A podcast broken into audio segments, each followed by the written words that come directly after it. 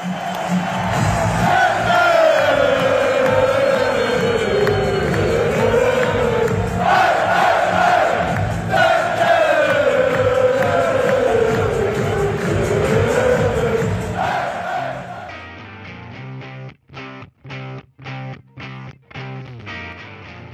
lytter, hjertelig velkommen til denne podcast. Personligt så glæder jeg mig jo altid helt vildt til at optage podcast her på Dart Nyheder. Men jeg har nu alligevel glædet mig ekstra meget til denne her udgave, fordi vi selvfølgelig skal se frem mod PDC's verdensmesterskab, der begynder den 15. december og løber frem til og med finalen den 3. januar i det nye år. Det er årets start højdepunkt. Velkommen med andre ord til dagens program. Mit navn er Daniel Thy Tybøl, og jeg er som altid flankeret af journalist og medieansvarlig i PDC Nordic and Baltic, Mads Magnussen. Mads, velkommen til. Jo, tak. Du er jo øh, kendt som manden med øh, altså Danmarksrekorden for flest børn. Har du, øh, har du fået styr på julegaverne allerede nu? Og det er overhovedet ikke øh, min øh, chance at tage mig af det. Det er kæresten, og jeg tror efterhånden, der mangler en gave. Øhm, men igen, jeg aner det faktisk ikke. Jeg lytter ikke helt efter, når hun siger det, tror jeg. Godt. Jamen altså, det er jo godt, at du har en kæreste, Mads, så er der nogen, ja. der kan strukturere dit liv for dig. For uden dig, Mads, øh, så kan jeg også byde velkommen til Dart-ekspert og forsanger i bandet Jung, Jonas Jung. Jonas, velkommen til dig. Mange tak, Daniel. Går du nogensinde i seng, Jonas, øh, lukker øjnene, og så forestiller dig en dartspiller, der går op mod scenen med en walk-on-sang, indspillet af Jung? ja, det, det, når du spørger mig så direkte, så, det, så, det er et kæmpe så, ja. Så ville, det være, så ville det simpelthen være løgn at sige nej. Så kære Dart Danmark derude, så frem at det skulle lykkes jer at komme til et punkt, hvor at, øh, at at I skal på scenen med en sang, så er den her koda fri. Og det er uden at snakke med de andre drenge. Den får I direkte af mig, om jeg så skal betale de andre for det. Perfekt. Ellers, jeg vil også gerne smide en femmer i puljen, hvis det skal være det. ja. Øhm, jeg har jo tænkt, at øh, vi, vi skal lige, vi skal i godt humør, inden vi begynder øh, på den her øh, podcast. Så øh, jeg har været i, øh, i det mundre hjørne.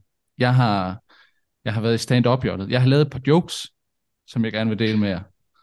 Det er simpelthen, uh. det, det er dart-relaterede julejokes, så vi kører med et tema. Er I klar? Vi er jeg har to jokes, fordi mere kreativ ja. er jeg heller ikke. Det første, det, det er også lidt en, en gåde, kan man sige. Hvilket tre danser dartspillere rundt om juleaften? Pas. Det er ja, selvfølgelig et piletræ. Wow. Jeg, sagde, jeg fortalte den faktisk også til min, øh, til min kæreste, og hun svarede lynhurtigt. Faktisk kom op med et bedre svar, end jeg selv havde fundet på. Det var triple ja. free. Triple 3. Aha. Ja. Stærkt. Godt. Der kommer en mere nu her. Og den her, den er rigtig god. Hvad spurgte julemanden Michael van Gøven om, da han kom med julegaver juleaften? Har yes. du været, har du været darty i år? Åh, oh, det gør helt ondt. Hold kæft, hvor gør det ondt. Godt. Nu er vi i stemning til en solid podcast, og øh, lad os da bare komme i gang. Vi har det sædvanlige temaer på programmet. Først så ser vi tilbage på de største nyheder i dartsporten siden sidst. Så skal vi kigge på øh, dansk dart. Vi har naturligvis din power ranking, Jonas, en top 5 over de bedste dartspillere på planeten netop nu. Og så kører vi optakten til selve verdensmesterskabet. Er I klar? Ja, tak. Godt. Og øh, alligevel, før vi går sådan rigtig i gang, så jeg vil også lidt inspireret af, af det, du skrev ud på Twitter i går, Jonas. Jeg kunne godt tænke mig at høre, hvem er egentlig jeres yndlingsdartspiller? Mads, hvis vi lige starter ved dig. Når du tænder fjernsynet, hvem, hvem er det så, der kan få dig op af stolen? Jamen, øh, det er faktisk et godt spørgsmål, fordi jeg tror ikke, at jeg altså sådan virkelig har en enkelt, jeg bare kan pege på. Øh, jeg synes egentlig, der er mange om budet, men skal jeg indsnævre det, så kan man sige, så var det, det var Peter Wright, der ligesom var med til at trække mig ind i dartsporten i sin tid. Så han har nok altid haft sådan lidt en, en speciel øh, plads hos mig. Øh, men så er det jo også sådan, at når det er VM, så for mig, så er det jo Diogo Portala time. øh, ikke fordi, at han er en særlig fremragende dartspiller, men han, der, han kan bare et eller andet, og jeg er vild med, når der er VM, fordi så skal han på scenen, og jeg elsker at kigge på det. Øhm, og så har jeg, altså jeg faldt også for Jamie Lewis, dengang han lavede det vilde stunt, dengang hvor Cross blev verdensmester, men han er lidt forsvundet, så kan man sige, skal jeg pege på en de tre, så bliver jeg nok nødt til at sige Peter Wright. Det er også et, øh, et meget godt bud. Jonas, vi ved jo, du har en kærlighed for Nathan Aspinall, men øh, er, er det ham, du vil fremhæve? Jamen, altså, jeg er lidt på samme hold som øh, med Mads, at i dart, altså, så er det, det er lidt svært bare at have én yndlingsspiller. Jeg synes, det, hvis du nu havde spurgt, hvem er din hadespiller, så, så, var svar, så tror jeg, at svaret ville kunne komme lidt mere prompte. Øh, og, og det må jeg jo bare erkende, det er simpelthen Devin Peterson. Så øh, undskyld Devin, men, men du skal simpelthen stoppe med at gestikulere på den måde på scenen og spille med 82 i snit. Det er der ikke nogen, der gider at glo på. Så er det lige ud af systemet. Men altså, min første store kærlighed, det har jeg også sagt i den her øh, podcast før, det var jo Gary Anderson, og det var i 2015 VM, så det har måske været 2014. Jeg kan sgu ikke huske det, men mod Jelle Clarsen, hvor jeg for første gang så en uh, nidarter live. Uh, Gary Anderson var jo bare alt i de år, så han var sådan min første uh, kærlighed så da jeg begyndte at se sådan uh, guldturneringerne, øh, der, der, der, der er det også der, man begynder at finde sin hipster, øh, sin, sin hipster favorit. Og øh, jeg blev meget øh, stor fan af Ryan Searle. Øh, nu er han jo så ligesom out there og et navn, som vi alle sammen kender. Og øh, jo mere jeg har set ham på tv, jo mere er jeg også begyndt at være lidt træt af hans attitude. Så når alt kommer til alt, sidste år, der vandt jeg en VM-manager-konkurrence med nogle venner, Øh, og der var øh, øh, præmien en trøje, og der valgte jeg Nathan Aspinalls trøje. Så altså, jeg må, jeg må jo nok øh, gå med det, trods alt. Nathan Aspinall. Også en spiller med mange fans ude i stuerne, så intet kontroversielt der. Jeg kan også garantere, at vi kommer til at nævne Ryan Searle senere i programmet. Det var en øh, lille cliffhanger. Men øh, vi skal nu rigtigt i gang med programmet. Vi tager hul på de største historier siden sidst.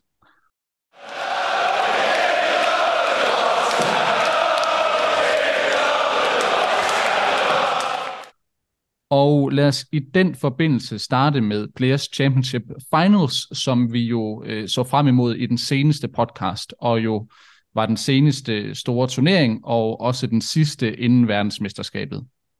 Turneringen den blev jo vundet af Michael van Gerwen, der besejrede Rob Cross 11-6 i finalen.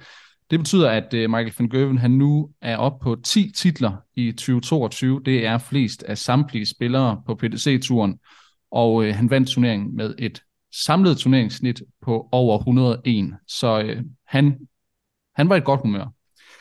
Øhm, vi kan jo snakke lidt mere om turneringen om lidt, men øh, lad os lige starte med at sætte nogle ord på det her resultat og den præstation.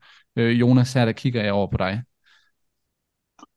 Ja, altså, øh, nu er det jo VM-podcast, og året er ved at nå sin ende. Og når vi nu snakker Michael van Gerwen, som vi har gjort mange gange i den her sæson, så synes jeg egentlig, det er det rette tidspunkt sådan lige at nørde en lille smule omkring ham.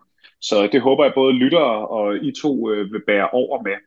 Fordi at hold op, hvor har vi snakket meget om Michael van Gerwen i 2022, og om hvor øh, ekstraordinær han igen har set ud, hvor, hvor, hvor meget han stille og roligt har nærmet sig den version af Michael van Gerwen, som mange sikkert blev forelsket i, i sådan de, de gyldne år 15, 16, 17 og så videre. Øh, og derfor så synes jeg, det var lidt interessant at prøve at sammenligne år 22 med 21, hvor at vi alle sammen, altså 21, var jo enige om, at Michael van Gerwen var en skygge af sig selv. Og jeg har sådan ligesom valgt at kigge på de tre parametre, som også dartfans øh, mest kigger på. Average, check-up procent og 180'er. Og egentlig er det sjovt at se, at i 2021 og 2022, der er der vidderligt kun et parametre, som sådan i kvalitet adskiller årene fra Michael van Gerwen. I år 2021 var Michael van Gerwen den, der havde det bedste gennemsnit for året. Det var han sådan set både i tv-turneringerne og når man sammenlignede overall. I år 2022 er det samme tilfælde. Dartnyheder, I lavede, vi lavede jo også en artikel i går, som også konkluderede, at Michael van Gerwen er den, der har spillet med det højeste snit. Hvad angår checkout procent for året, så lå Michael van Gerwen sidste år øh, omkring 43 på hans checkout procent. Det gjorde han sådan set både på tv og når man så på hele året. I år har han ligget lidt lavere. Det har nok også noget at gøre med, at der er blevet spillet mere der. Han ligger lige omkring 40 procent. Det eneste parametre, hvor Michael van Gerwen øh, 2021 og 2022 sådan virkelig adskiller sig, det er på en statistik, og det er på 180'er ved tv-turneringen. Hvor Michael van Gerwen sidste år var den, der lavede 6. flest, har han i år været den, der har lavet anden flest 180'er på tv. Og det fortæller i hvert fald en historie om, at på det parametre har han leveret. Michael van Gerwen han har vundet fire store tv-turneringer i år. Han vandt Premier League, vandt World Matchplay, vandt Grand Prix, og nu vandt han så senest også Players Championships Finals. Øh, jeg synes bare, at det var lidt sjovt at se, hvordan han egentlig præsterede i de turneringer sidste år. Premier League 2021, der taber Michael van Gerwen 10-8 til Johnny Clayton, hvor Johnny Clayton spiller en forrygende kamp med 103 i snit. World Matchplay, der taber Michael van Gerwen semifinalen til Peter Wright, der tjekker ind med en blændende præstation, hvor han leverer et snit på 110. Grand Prix sidste år tabte han til Danny Nobbert, som også var latterligt velspillende med et snit på lige under 100. Og folk, der har set World Grand Prix, ved, hvor højt et snit det er. Players Championships Finals, der tabte han til den senere vinder Peter Wright i kvartfinalen.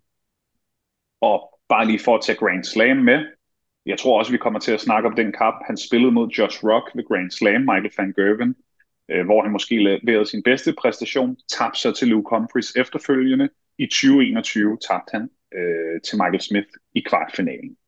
Så det er bare sådan lige de, de grundlæggende ting på plads omkring. Fordi at vi kan sådan set konkludere, at Michael van Gerwen har spillet mere eller mindre lige god dart, hvis man kun kigger på tallene i 2021 og 2022. Og det var meget overraskende for mig. Øh, I sidder også og nikker lidt, men altså, jeg havde egentlig indtryk af, at Michael van Gerwen spillede væsentligt ringere sidste år. Vi kan så samtidig også konkludere, at Michael van Gerwens modstandere ramte deres absolute topniveau i de kampe, hvor Michael van Gerwen han tabte. Øh, og det bringer mig egentlig frem til den konklusion, at den største forskel på 2021 og 2022, det er, at det fulde PDC-program har været tilbage. Der har været fuld Europatur, der har været fuld World Series-tur, og det synes jeg siger noget om, at Michael van Gerwen må være den dartspiller på på planeten, der er bedst til at håndtere det pres at spille så mange turneringer. Hans stamina. Og så tror jeg desuden også, at med den Premier League-sejr, der kom Michael van Gerwen tilbage i hovedet på de andre spillere. At han er den spiller, man mest frygter at møde. Og vigtigst af alt, så tror jeg, at det kom tilbage i Michael van Gerwens eget hoved. Altså, det er jo ufatteligt at tænke på, at Michael van Gerwen blev trukket ud af VM sidste år, fordi der var meget, der tydede på, at mm. Michael van Gerwen kunne slutte det år af og rent faktisk levere en kæmpe præstation ved VM. Det fik han ikke mulighed for. Og jeg tør slet ikke at tænke på, hvilken version af Michael van Gerwen, der var kommet ud i år, hvis han eksempelvis havde vundet VM. Så Michael van Gerwen i 2022 er han igen den spiller på planeten, som alle jagter. Han er den ultimative superstjerne i dart igen. Øh, og det synes jeg egentlig øh, klæder hele PDC og hele dartsporten. Så det, mm. det var mange ord om Michael van Gerwens 2022. Ja, og til kære lyttere, velkommen til uh, Michael van Gerwen podcast, hvor vi nu vi fik fem minutters monolog af Jonas. Uh, jeg har en lille indskydelse, fordi jeg er enig i mange af dine pointer. Uh, jeg vil bare helt, uh, når man bruger de her uh, statistikker, uh, lige indføre, at uh, når man nu kigger på spillernes uh, 180'er, jeg går ud fra, at du har brugt Darts Oracle, uh, og det, som kan være udfordringen ved at bruge det, det er, at man jo kun ser præcis, hvor mange 180'er de har lavet, men ikke over, hvor mange legs. Så øhm, der er selvfølgelig... Det, det er selvfølgelig altså, en pointe. Han har selvfølgelig spillet langt flere tv-kampe end andre, og har derfor også haft flere læks til at lave de her 180'ere.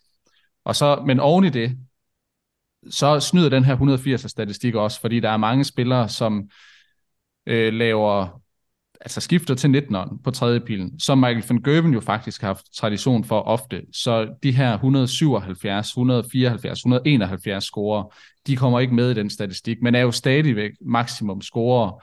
Øh, det var bare en, en lille pointe til det. Øh, men øh, jeg synes også, når man skal analysere hans spil, jeg synes også, øh, altså det hører jo med til historien, at den her Premier League sejr, Joe Cullen missede med en, altså mindre end en millimeter, føler jeg, øh, den matchpil på dobbelt 16. Havde han vundet den Premier League titel, så havde vi måske stået et andet sted. Men sådan, nu står vi netop i den position, at Michael van Gerwen han vandt. Og han, det var måske det, der skulle til, for at han fik troen på, at han kunne gøre det.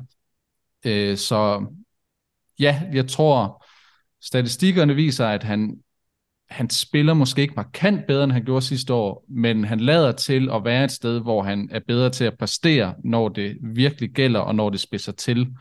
Øh, Mads? Ja, jeg synes også bare, øh, jeg kiggede også lige lidt på, på tallene for ham, øh, og det taler lidt ind i, hvad, hvad både du og Jonas siger, at det interessante er jo også lidt, at mange siger jo, at Michael van Gervens øh, bedste år, det var 2016, hvor han bare vandt altså, stort set alt, som der var at komme i nærheden af. Øh, kigger man på hans sæsongennemsnit der, og egentlig frem alle årene, så 2022, det er jo faktisk det laveste sæsongennemsnit, han har haft siden 2016. Og det er jo på trods af, at jeg sidder med en følelse af her i 2022, at Michael van Gerwen, han er næsten tilbage. Altså det begynder at minde om det, vi tidligere har set. Øhm, så det siger måske også et eller andet om, at der ikke på samme måde længere er den her ene eller to spillere, der virkelig presser ham som tidligere. For når man kigger på, på de her sæsonsnit i de år, hvor han også var rigtig god, jamen så har vi også en Gary Anderson, der har været op og snit deroppe omkring. Vi har en, ah, lige knap Phil Taylor, det er ved at være slut der, ikke? men han, der var nogen, der virkelig kunne presse ham, og det virker til, det pres jo heller ikke helt er der længere. Det skal ikke tage noget fra Michael van Gerwen, men det generelle dartniveau er jo åbenbart også lige faldet en snart, og det taler åbenbart til hans fordel, som det ud lige nu. Mm, det er også en, øh, ja, en kæphest, jeg har haft længe. Det er, når vi hører igen og igen, at øh, så niveauet i øh, den sådan absolute elite er hævet men det, det er ikke helt rigtigt. Øh, det er rigtigt, at bredden af spillere, der kan øh, spille med et sæsongennemsnit over 95, det er steget markant, og der er langt flere spillere, der kan gå ind, som vi så Dirk van Duivenbode gøre ved Players Championship Finals, og gå ind og spille med gennemsnit over 110. Øh, det er rigtigt, men der er kun tre spillere i historien, der har spillet med sæsongennemsnit over 100 det er Phil Taylor, det er Michael van Gerven, og det er Gary Anderson. Og det er altså efterhånden ved at være nogle år siden, vi sidst har set det. Så det her absolute topniveau, altså vi har set Gervin Price og Peter Wright som nummer et på verdensranglisten, og være de to dominerende profiler. Men de har ikke over en hel sæson været lige så gode som noget af det, af det vi har set tidligere. Øhm, men øh, det er en anden snak. Men øh, det er også en pointe, jeg har bidt mærke i, Mads. Øhm, jeg kunne også godt tænke mig at fremhæve Rob Cross, som jo spillede sig i finalen. Det øh, var hans første tv-finale i 2022. Øh, og det er jo første gang, han overhovedet spillede sig en kvartfinale på tv i år. Så se det det lys, Mads. Rob Cross, altså, det var vel en overraskelse. Kort sagt, øh, ja, det vil jeg give dig ret i. Øh, jeg synes jo egentlig, kan man sige, Øh, vi har ikke snakket så meget om ham øh, her i løbet af det sidste års tid, når vi har lavet podcast. Øh, og han har jo trods alt faktisk, hans sæsongennemsnit, så ligger han jo sådan lige der omkring top 10, alt efter hvor du lige kigger på året, om du tager et helt år, et halvt år. Så ligger han gerne lidt omkring med det 9., 10., 11. bedste snit. Så han, han er jo med opad i den der subtop, og så kan man sige, at det er en overraskelse, at en, der ligger der, kommer i en finale. Det er det måske ikke. Men, men så alligevel, når man så kigger på, hvordan hans sæson har set ud, som du netop siger, han har ikke nået forbi øh, eller ikke nået til en kvartfinal i nogle af de andre store turneringer. Han har vundet to Players Championship, han har tabt tre finaler på Europaturen. Øh, det har ikke været et prangende 2022 for ham. Øh, så altså, selvfølgelig er det, er det en, en overraskelse, men, men det viser jo selvfølgelig også netop den her bredde i toppen, at, at der jo netop kan være dem her, der lige rammer øh, stimen i den rigtige turnering og, og kommer langt. Mm.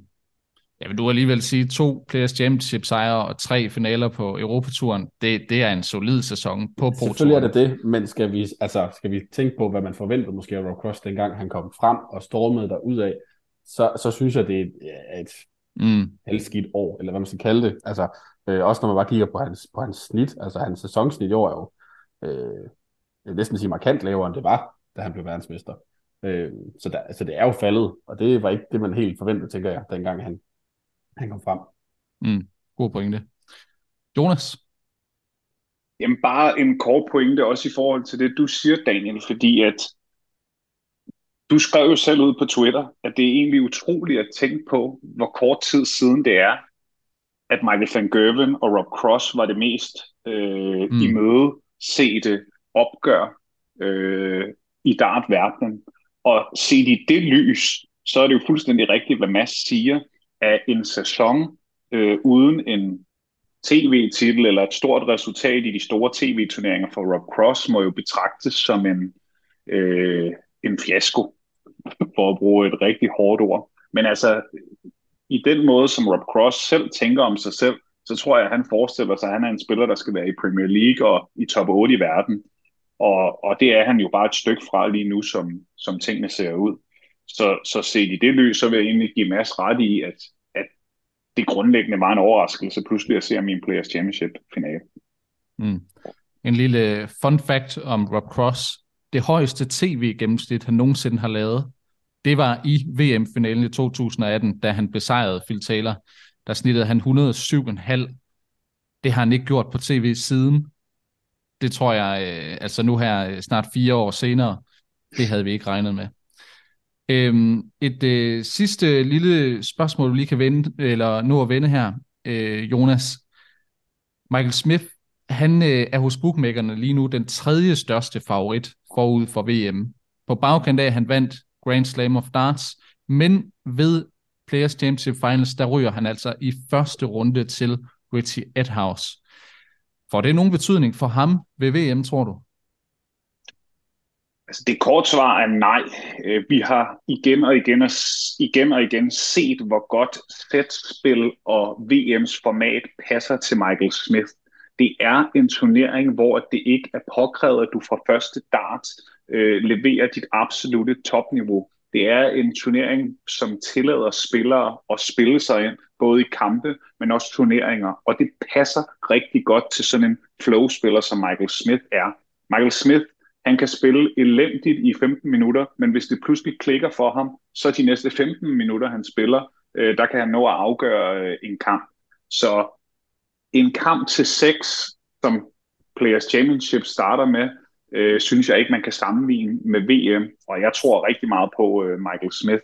Han øh, har mulighed for at levere et topresultat nu her ved det, ved det kommende VM. Noteret. En øh, anden historie siden sidst, det er, at øh, der er jo en øh, god håndfuld spillere, som allerede nu inden verdensmesterskabet ved, at de ikke har et turkart i den kommende sæson. Og øh, jeg har forsøgt at fremhæve nogle af de mest nævneværdige spillere, og øh, det er blandt andre den tredobbelte BDO-verdensmester Glenn Durant, og øh, så Max Hopp og Jeffrey Swan, som jo begge har været spået store karrierer, men nu her i øh, midt-20'erne altså kan se ind i, en, øh, i 2023, hvor de muligvis ikke har et turkart. Øh, Glenn Durant har øh, ja, bekendtgjort, at han deltager ikke ved Q-School til næste år, men formentlig øh, til næste år igen. Både Max Hopp og Jeffrey Swan har til gengæld øh, ja, så, øh, sat ord på, at de forventer at være med ved Q-School øh, nu her til januar. Mads, øh, lad os starte med Glenn Durant.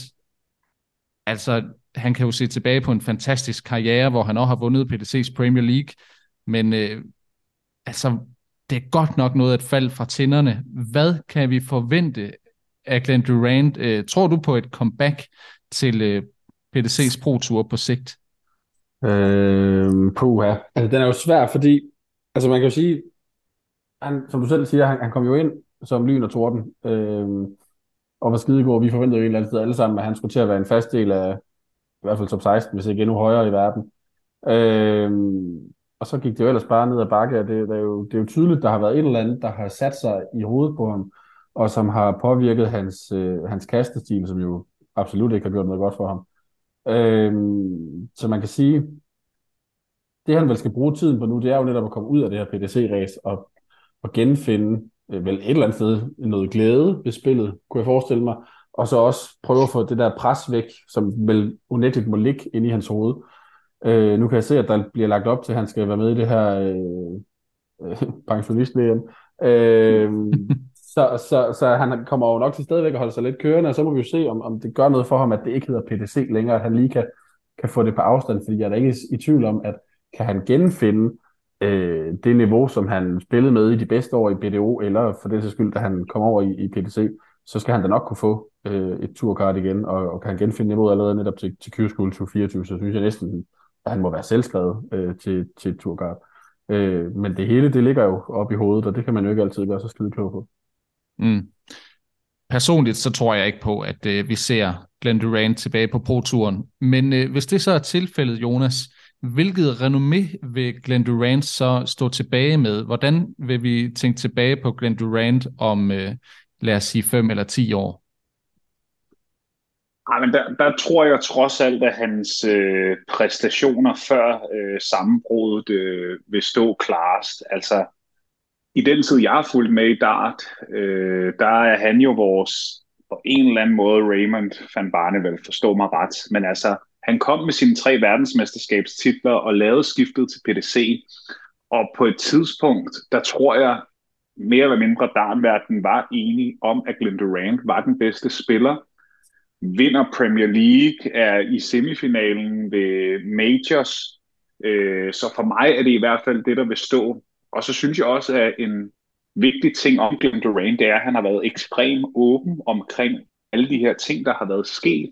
Som jeg forstår det nu, er han øh, dart-træner. Øh, jeg så et øh, indslag, som PDC havde lavet her for nyligt, hvor han åbenbart træner sin øh, nevø, som ifølge Glenn Durant skulle være et øh, stort talent. Når jeg læser Glenn Durants egne post omkring hans fremtid i dart, så er jeg ikke så overbevist som dig, Daniel, om at han, han ikke vil forsøge at, at gøre et comeback. Øh, en og pointe, jeg, jeg, tror, jeg... jeg tror helt sikkert på, at han vil forsøge det, men jeg tror ikke, det lykkes. Okay, jamen øh, fair, helt klart. Det er jeg mere i tvivl om, fordi at vi har jo også taget, tidligere talt om, at i nutidens start, så er der jo ved at udvikle sig en regulær første division, som gør, at folk, der ikke har turkart, rent faktisk stadig kan have en god forretning af at spille der. Der er modus, øh, online dart league, der er challenge touren, øh, VDF og så videre. Så, så det kan jo godt lade sig gøre at spille dart på et forholdsvis øh, højt niveau. Så jeg vil, ikke, jeg, vil ikke, jeg vil ikke rule ham helt out, heller ikke for at vinde et, et turkart igen. Men, men skulle det mislykkes, så tror jeg på, at hans bedrifter vil stå større end hans nedsmeltning. Mm. Så øh, jeg fortsætter lige ved dig, Jonas, fordi Max Hop og øh, Jeffrey Deswan, altså det er jo særligt måske Jeffrey, øh, var spået en altså kæmpe karriere. Ja, vi havde jo faktisk Jeffrey Desvan med i podcasten for efterhånden, er det et halvandet års tid siden, hvor vi reelt set snakkede om, at her var en gut, der er i Premier League om et par sæsoner. Hvad, øh, hvad har vi af forventninger til dem ved Q-School, og hvem har størst mulighed for at vende tilbage Altså, jeg tror igen, at det er et spørgsmål om, hvilket pres man går ind til Q-School med. Og øh, det har jeg eksempelvis både set øh, Matthew Edgar, og jeg så også for nylig Fallon Sherrick snakke om præcis den her pointe omkring, at det er ikke så sort-hvidt nødvendigvis længere, og om du får det her øh, Q-School-kort, fordi der er så mange andre muligheder for dartspillere i dag. Og jeg håber, at det er det, mentalitet og mindset, både Jeffrey Liswan og Max Hopp øh, vil gå ind til Q-School med. Øh, jeg har ikke svaret på, om det lykkes dem, men jeg tror til gengæld godt, der kan være en fremtid for de her spillere, der har præsteret på et topniveau, er dalet, og så på en eller anden måde skal tilbage igen. Ja. Mm. Måske det mest populære eksempel, det er jo Nathan Aspinall, som også var på turen, mistede sit turkart, spillede en sæson på Challenge-turen, genvandt noget selvtillid, og så bragede han jo bare tilbage på PDC-scenen med blandt andet to VM-semifinaler. Så øh, lad os krydse fingre for, at øh, de to spillere, de øh, vender tilbage, fordi øh, det må man sige, det, det, de har en underholdningsværdi begge to. Altså pointe øhm, om de to er jo også deres alder, sammenlignet ja. med Glenn Durant. Altså de har mange år til at, at forvente, at man kan sige, historien er måske den samme, at det er noget op i hovedet, der skal arbejdes med. Men de har trods alt årene foran sig. Øh, så det må man jo bare håbe, at de rent faktisk har tænkt sig at udnytte. Mm, klart. Jeg har også bedt jer om at forberede jer på en uh, lille... Jamen, det, vi nærmer os jo det nye år, så vi skal have lov til at kigge tilbage på den forgangne sæson. Og uh, ja, nu, nu bliver det nostalgisk. For øh, jeg har først og fremmest... Ja, lad os bare lige tage rækkefølgen her. Jeg vil gerne bede jer om at, at fortælle om jeres favoritøjeblik i 2022. Jeg har også bedt jer om at forberede jer på, øh, hvem øh, eller hvilken kamp, der har været jeres favoritkamp i den forgangne sæson. Og så har vi ellers hver især en øh, top 3 over henholdsvis årets spiller i 2022, årets flop og årets gennembrud. Øhm, vi starter med øh, favoritøjeblikket i 2022. Jonas, hvad har det været for dit vedkommende? Og altså, jeg havde to klar, fordi at jeg havde en forventning om, at øh, I måske ville øh, vælge det andet. Men nu hvor jeg simpelthen får lov at lægge for vand, land, så bliver jeg simpelthen nødt til at sige, at der var et kæmpe højdepunkt. Og det var selvfølgelig, da Vladimir Andersen mm. vandt sit turkart i Tyskland. Hele Vladimir Andersen hypen, da han øh, så også snupper en PDC i Nording en Baltic op i Slangerup, altså hele den tid at være så tæt på dartsporten, som vi jo trods alt er, altså vi, vi bruger meget tid på det, og pludselig have den der danske nationalistiske flamme, det var et stort øjeblik, og øh, jeg troede ikke, jeg troede i den grad ikke, at det var noget, jeg skulle have oplevet i år. Så øh, det vil jeg sige tak til Vladimir for. Det er ærgerligt, at det ikke er blevet til mere, men det øjeblik, øh, da, da, den, da den kom hjem, og vi alle sammen sad og skrev om det, det, øh, det var fedt. Ja. Ja, men øh, vi behøver ikke at, at gå så meget ned i det. For mit vedkommende er, er det det samme øjeblik. Mads, er det også det, du har noteret dig? Øh, nej, det er det faktisk ikke. Øh, det kunne det egentlig lige så godt have været. Jeg tror bare, jeg lige har kigget på jeg skal sige, en lidt større scene, og ikke valgt et, et hipsterbud. Jeg ved ikke, om det er Vladimir, at vi er hipsterbud, men jeg er gået med, øh, at Michael Smith han endelig vandt den major. Øh, jeg synes, der var noget stort over den måde, han øh, smed sig på gulvet og ikke kunne øh, nærmest fuldføre interviewet efterfølgende. Altså man kan sige, det er, det er jo måske lidt en klassiker, og, og vi har jo set andre spillere være glade over, at de endelig har, har fået sådan en, en stor en, men, men nu har vi bare snakket så meget om Michael Schmidt, og det her med, skulle han have den major, og nu fik han den. Jeg synes, øh, det er i hvert fald noget, jeg vil huske 2022 for, at, at der kom den. Mm.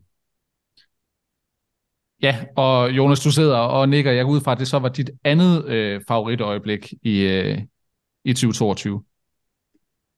Det var det faktisk ikke, men øh, det er sgu bare øh, dejligt at blive mindet om de ting, fordi at øh, det var helt sikkert også en, øh, også en kandidat. Det er jo hyggeligt at sidde her ved en VM-podcast og kunne kigge på året, der gik. Så jeg smilede bare over, at øh, det synes jeg også var et mega godt valg. Mm. Så øh, skal vi øh, kigge tilbage på, hvilken kamp i 2022, der har været jeres favorit. Mads, denne gang får du lov til at lægge for land. Jamen, øh, jeg er gået med en øh, forholdsvis ny, som vi vel alle sammen gik lidt amok over, kan man sige. Så det er næppe en overraskelse. Jeg er gået med Michael van Gervens 10-8 sejr over Josh Rock øh, i, øh, hvad hedder det, um, Grand Slam. Grand Slam. Øh, fordi at, at den kamp, altså med det snit og Josh Rocks alder, og det her med, at Van Gerven er tilbage, og man vil, jeg synes bare, at den kamp, den havde så meget, og den, den gav forhåbninger, som vi også snakkede om sidst, for, for en, en æra, hvor Josh Rock og Michael van Gerwen kan, kan slås meget om det, selvom der jo også stadigvæk er andre topspillere. Men, men den kamp, den, øh, den synes jeg var enestående. Mm. Jonas? Jamen, det var øh, også den kamp, som, øh, som jeg havde på min liste. Den, den står selvfølgelig også øh, rimelig krystalklart, men det giver mig dog mulighed for at vælge det største øjeblik, fordi at i så fald, så vil jeg byde ind med Bo Graves, Fallon Sherrock kampen i den direkte duel på kvindernes tur om VM-billetten. Jeg sad lige og genså den i går i min forberedelse, og jeg så den live. Jeg så den sammen med min frue, som var, øh, selvom hun ikke er sådan øh, dart-fan, så var hun lige så rystet over det, vi faktisk så. Og bare lige for at minde folk om, hvad det var, der skete. Øh, Bo Graves, eller Fallon Sherrick, står på dobbelt 20 ved 3-3. Bo Graves øh, står på 148 og tjekker dem ud for at komme foran 4-3, efterfulgt af en 11-darter for at lukke kampen. Hun leverer det højeste snit, en kvinde nogensinde har gjort med 107 i en kamp, hvor hun skulle vinde. Altså det skulle de begge to for at komme til VM. Det, det synes jeg, øh, det, det tror jeg virkelig er en kamp, vi vil komme til at, at huske, også om mange år. Øh, det, det, det var sgu fornemt. Mm. Det er rigtigt. Det var en direkte kamp om at komme til VM, indtil at øh, PDC besluttede sig for, at uh, vi, vi kan jo ikke have et VM uden Fallon Sherrock. Øhm, jamen, øh, jeg er lidt overrasket over, at I ikke har min øh, kamp med på, jamen, som den absolutte nummer et. Jeg tænker naturligvis på finalen ved øh, Darnyhed.dk's klubmesterskab ved øh, julefrokosten, hvor at øh, efter et ydmygende nederlag i den åbningskampen, øh, for mit vedkommende til dig, Jonas, så øh, mødtes vi jo i finalen, hvor øh, ja, det blev til en, øh, en velspillet 5-2 sejr, og øh, ja, altså Djursland har jo aldrig været sig selv siden. Det, øh, det er ubetinget min favoritkamp i, øh, i 2022. Med det, så øh, kan vi kigge tilbage på øh, nogle af de andre kategorier, og øh, jeg vil jo gerne starte ved dig, Mads. Øh, det, som er pointen her, det er, at jeg har bedt dig om at forberede en top 3-liste over øh, spillere, som fortjener prisen som årets gennembrud i 2022. Ja, og der kan man jo sige, at det er jo en, en titel, som måske ikke er så klart defineret for, hvad er et gennembrud, og hvor meget må man have præsteret tidligere, og hvor længe må man have været med, og så videre, og så videre. Jeg har prøvet at tage lidt forskellige hensyn, øhm, og har kigget sådan meget på et overordnet billede af 2022, og ikke bare en enkelt kamp, hvor der lige er en eller anden spiller, der har øh, tonset igennem. Øhm, så de tre bud, jeg har taget med, den ene er øh, Josh Rock. Jeg synes, han er lidt svær at komme udenom, fordi han har trods alt præsteret på et fuldstændig vanvittigt niveau. Hans alder taget i betragtning, og den måde, han er kommet ind på. Man kan selvfølgelig sige, at han har jo ikke rigtig øh, vundet øh, så vildt meget. Han har jo taget en Players Championship selvfølgelig, men han har jo ikke været i finaler i de helt store. Men, men jeg synes, det er svært at, at tale 2022 og ikke nævne ham. Han har, trods øhm. alt, han har trods alt vundet ungdomsverdensmesterskabet. Og det har han jo også, ja. Det skal vi selvfølgelig også tage med. Øh, så, så han er helt klart et navn, der har stået så fast. Øh, og så kan man sige, skal vi nu se at hype ham, og så laver han en Jeffrey Desvaughn? Det ved man aldrig, men øh, det tror jeg nu ikke. Øh, så er jeg gået med, der kan man så sige to, nok lidt mere rutinerede herrer på de næste to pladser. Men igen, fordi at man kan sige, at de har været med et stykke tid, og så ligesom om at 2022, det var der, hvor det virkelig toppede for dem. Altså, så der kom det der, der skulle til for at være med helt fremme. Og den ene, det er Luke Humphries, som jo har øh, fire Europa-turtitler, og så kan vi snakke om det her med, at han måske gik lidt kold i, i foråret, men så kom han trods alt lige i en semifinal ved Rick Slam, og så efterfølgende ved, ved Players Championship Finals, så han har jo ligesom vågnet lidt op til død igen, øh, og har vist, at han kan være med i den absolute top. Øh, og så er jeg gået med øh, Danny Noppert faktisk også. Øh, der kan man måske diskutere, om det er et gennembrud. Han har også været med længe, og i 2021 begyndte han jo også allerede at vise nogle tendenser til, at at det begyndte at se bedre ud for ham, og vi skulle regne med ham i de lidt sjovere øh, dele af turneringerne. Øhm, men jeg synes jo trods alt stadigvæk, at det er 2022, hvor han måske virkelig får slået sig fast ved at vinde UK Open, øh, og trods alt også være med fremme ved flere af de andre turneringer. Øhm, så det er de tre, jeg er gået med, og jeg synes, jeg er faktisk ikke rigtig i tvivl om, at jeg synes egentlig, titlen den skal gå til Luke Humphries, fordi jeg synes, det har været markant, det vi har set fra hans side i 2022. Jeg ved godt, at 2021 øh, post-corona, der begyndte han også lidt ligesom Danny Nokker, der viste sig frem, at jeg synes 2022, det har, det har været i hvert fald foråret 2022, det var Luke Humphries, og derfor synes jeg, at han får øh, den her titel af mig. Okay, øh, lad, os lige, lad os lige vende den, øh, for det, det kan jeg umuligt være enig med dig i, Mads.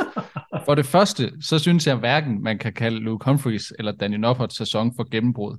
Øh, de har begge to vundet titler på Pro-turen før, og altså sidste år, der var Luke Humphries i finalen ved UK Open. Danny Noppert, han var i 2019 i finalen ved World Series of Darts Finals, øh, og har udover det flere semifinaler fra, fra Majors, og har stået i en VM-finale i, i BDO's verdensmesterskab.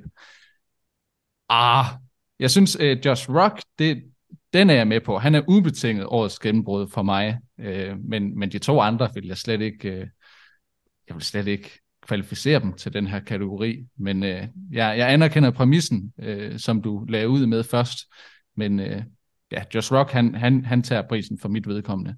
Øh, du skal selvfølgelig have lov til at forsvare dig, men, men Jonas, øh, lad os lige øh, danne et overtalsangreb på Mads her først. Jamen, altså, jeg forstår egentlig godt øh, masse tankegang omkring det, fordi jeg kan heller ikke lade være med, at havde vi nu lavet den her øh, årets gennembrudsliste sidste år, så, så kunne man jo argumentere for, at Johnny Clayton egentlig både kunne være repræsenteret på årets gennembrud, hvis det er på, på ud fra de her parametre, men han kunne sådan set også have været årets spiller. Jeg var nok også i en lidt anden øh, kategori. Jeg tænker på et navn som Scott Williams, Øh, Josh Rock er ubetinget også øh, årets gennembrud øh, for mig, fordi at han har leveret på så mange parametre. Øh, den eneste, der er i nærheden af ham, det kunne være en Bo Graves, men øh, om vi lige jonglerer øh, kvinde og mandlige spillere inde i den samme kategori, men altså, det, det, det er nok det omkring, det er for mig. Så øh, nu er der jo et helt år til næste gang, vi skal uddele de her priser, og så er vi måske lidt mere defineret omkring, øh, hvad, hvad der skal til for at kunne blive bobler i de værste kategorier. Mm. Men uh, Mads, det er jo din kategori, så det er dig, der har fået æren af at uddele prisen. Så uh, holder du fast i Luke Humphries, eller har vi overtalt dig? Jeg holder fast. Jeg synes, min præmis den holder. Godt. Jamen, uh, Luke Humphries, hvis du lytter med til programmet, så er du her med kåret som årets gennembrud i uh, PDC 2022, selvom du var i finalen ved UK Open sidste år og har vundet et ungdomsmesterskab. Ja, ja, men det er jo ungdom. Det tæller slet ikke. okay. Nå, øh, jeg har fået den øh, tvivlsomme ære af at udpege, eller jeg har faktisk taget øh, den tvivlsomme ære af at udpege øh, de tre største skuffelser, eller flops i øh, 2022. Og jeg vil gerne starte med at øh, lige tegne linjerne op. Fordi præmissen er, det er med udgangspunkt i, hvilke forventninger vi havde til de her spillere fra starten af sæsonen, og hvor vi så ser dem i dag. Øh, derfor en spiller som Glenn Durant, som jeg kunne forestille mig, mange ville have peget på, han har slet ikke været in contention, fordi på det her tidspunkt sidste år, der vidste vi godt, at øh, han så ind i en utrolig svær tid. Øh, så selvom han har været den ubetinget dårligste spiller på Pro-turen i år, så har han ikke været kvalificeret til listen. Øhm, jeg har gjort det lidt anderledes, så ja, det her det er en top 3. Jeg starter nedefra og op, og så må vi se, hvem der løber afsted med den fornemme heder som årets skuffelse i 2022. Nummer 3 på listen, det er Ian White. Uh, vi taler her om en spiller, som lå i top 16, næsten uafbrudt i syv sæsoner fra 2014 til 2021 jeg er godt klar over, at jeg diskvalificerer lidt mit eget argument her, fordi sidste sæson, der var han allerede på vej ned øh, af bakke, men 2022 har været katastrofal for Ian White. Han har misset World Matchplay, Grand Prix, European Championship, Grand Slam of Darts og Players Championship Finals. Han har misset alle de store tv-turneringer, øh, som det krævede kvalifikation til. Og han misser også det forestående verdensmesterskab. Det er første gang i 12 år, han, øh, altså, han er nummer 38 på verdensranglisten netop nu, men han kan ryge helt ud af top 50 efter VM. Det er altså ikke mange sæsoner siden, at man snakkede om, at Ian White med et godt resultat på tv, så vil han være kandidat til Premier League. Det er desværre Ian White. Det har, det har været utroligt kedeligt at følge dig i øh, 2022. Nummer to på listen, det er polske Krzysztof Ratajski. I øh, 2021, der havde han det 8. højeste sæsongennemsnit af samtlige spillere på 97. I 2022, der er det ikke, det er ikke faldet markant, Han ligger med et snit på 95, hvilket er det 22. højeste. Men igen, set i forhold til de forventninger, vi havde forud for sæsonen, der har det været en skidt sæson. Han øh, i 2021, der var han i kvartfinalen ved både VM, godt nok i 2021, øh, UK Open og Grand Prix, og en semifinal ved Matchplay og World Series of Darts Finals. I 2022, der har han ikke haft en eneste kvartfinale på tv, og han har ingen nævneværdige resultater på Europaturen, øh, og kun en enkelt finale på Players Championship-turen. Det er langt under niveau, og øh, altså, han lagde sæsonen ud som nummer 12 på PDC's verdensrangliste. Hvis ikke han når en kvartfinale ved VM nu her, så ryger han muligvis ud af top 20. Øh, tænk sig, at han ikke står med en eneste titel i den her sæson. Og nummer et, kan, kan I gætte, hvem der er årets øh, flop i 2022? Jeg antager, at den cliffhanger, vi fik tidligere, den, øh, den, den kommer en, en vis langhåret mand til gode nu. Ja, det gør den desværre. Ryan Searle, nu lyttede jeg lige lidt til vores øh, VM-podcast fra, fra sidste år, og da vi var inde på den her power ranking, top 5 over verdens bedste dartspiller på daværende tidspunkt, Ryan Searle, han havde netop været i finalen ved Players Championship Finals, og Jonas, du nævner ham ikke i din top 5, men siger, at han er en klar kandidat til en af de efterfølgende placeringer. På nuværende tidspunkt vil han jo ikke være. Okay, han er kommet lidt tilbage formmæssigt på det seneste, men ja, det er de færreste, der vil have ham øh, i nærheden af en top 5 på deres power ranking nu her.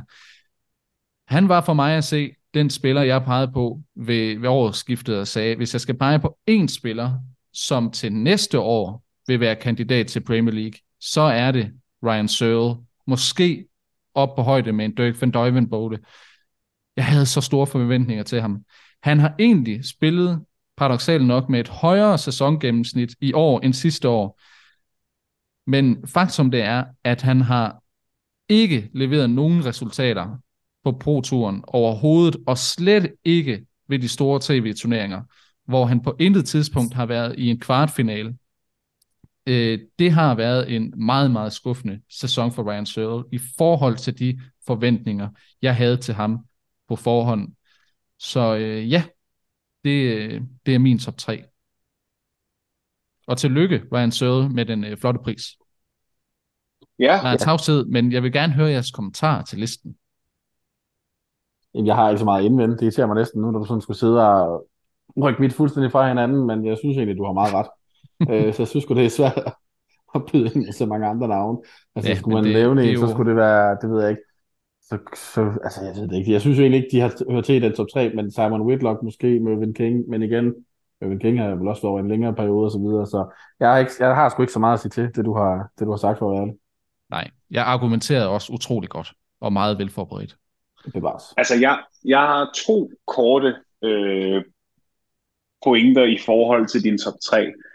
Jeg ville måske overveje øh, at have Ian White længere op på listen. Jeg vil også medgive, at både Christoph Ratajski og Ryan Searle har haft et skandaløst år. Nu sidder vi jo også og skal vurdere det inden VM.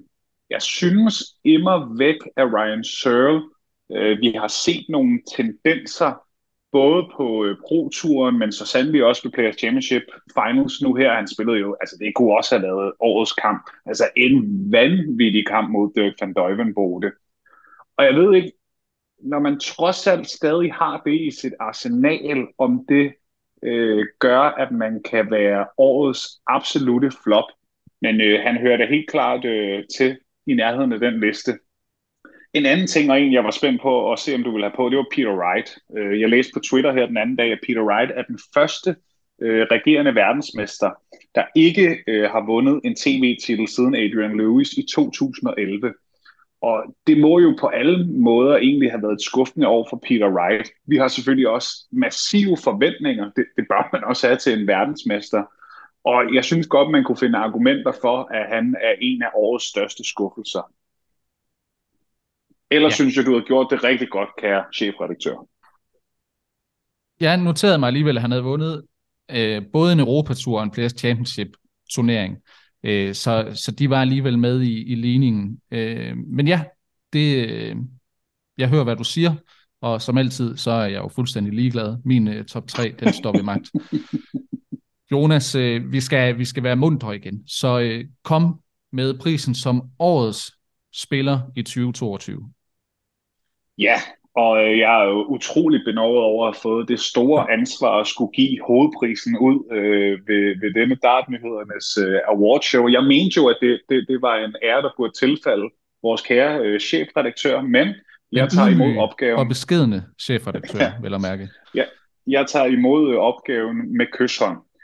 Øh, jeg har, ligesom dig Daniel, gjort det sådan, at jeg har en, øh, en top 3 og starter fra bunden af. Og sjovt nok til at øh, modtage bronze har jeg vinderen af årets gennembrud, Luke Humphries. Øh, Mads, du har allerede været inde på hans meritter fra i år. Jeg vil egentlig bare øh, tilføje, at at stå som nummer et på Order of Merit på Europaturen, at stå som en anden plads på Players Championship-turen, at have været i øh, en Grand Slam semifinale, Grand Prix og Players Championship Finals kvartfinaler, og i øvrigt manifesteret sig i toppen af verdensranglisten på en øjeblikkelig femteplads nu.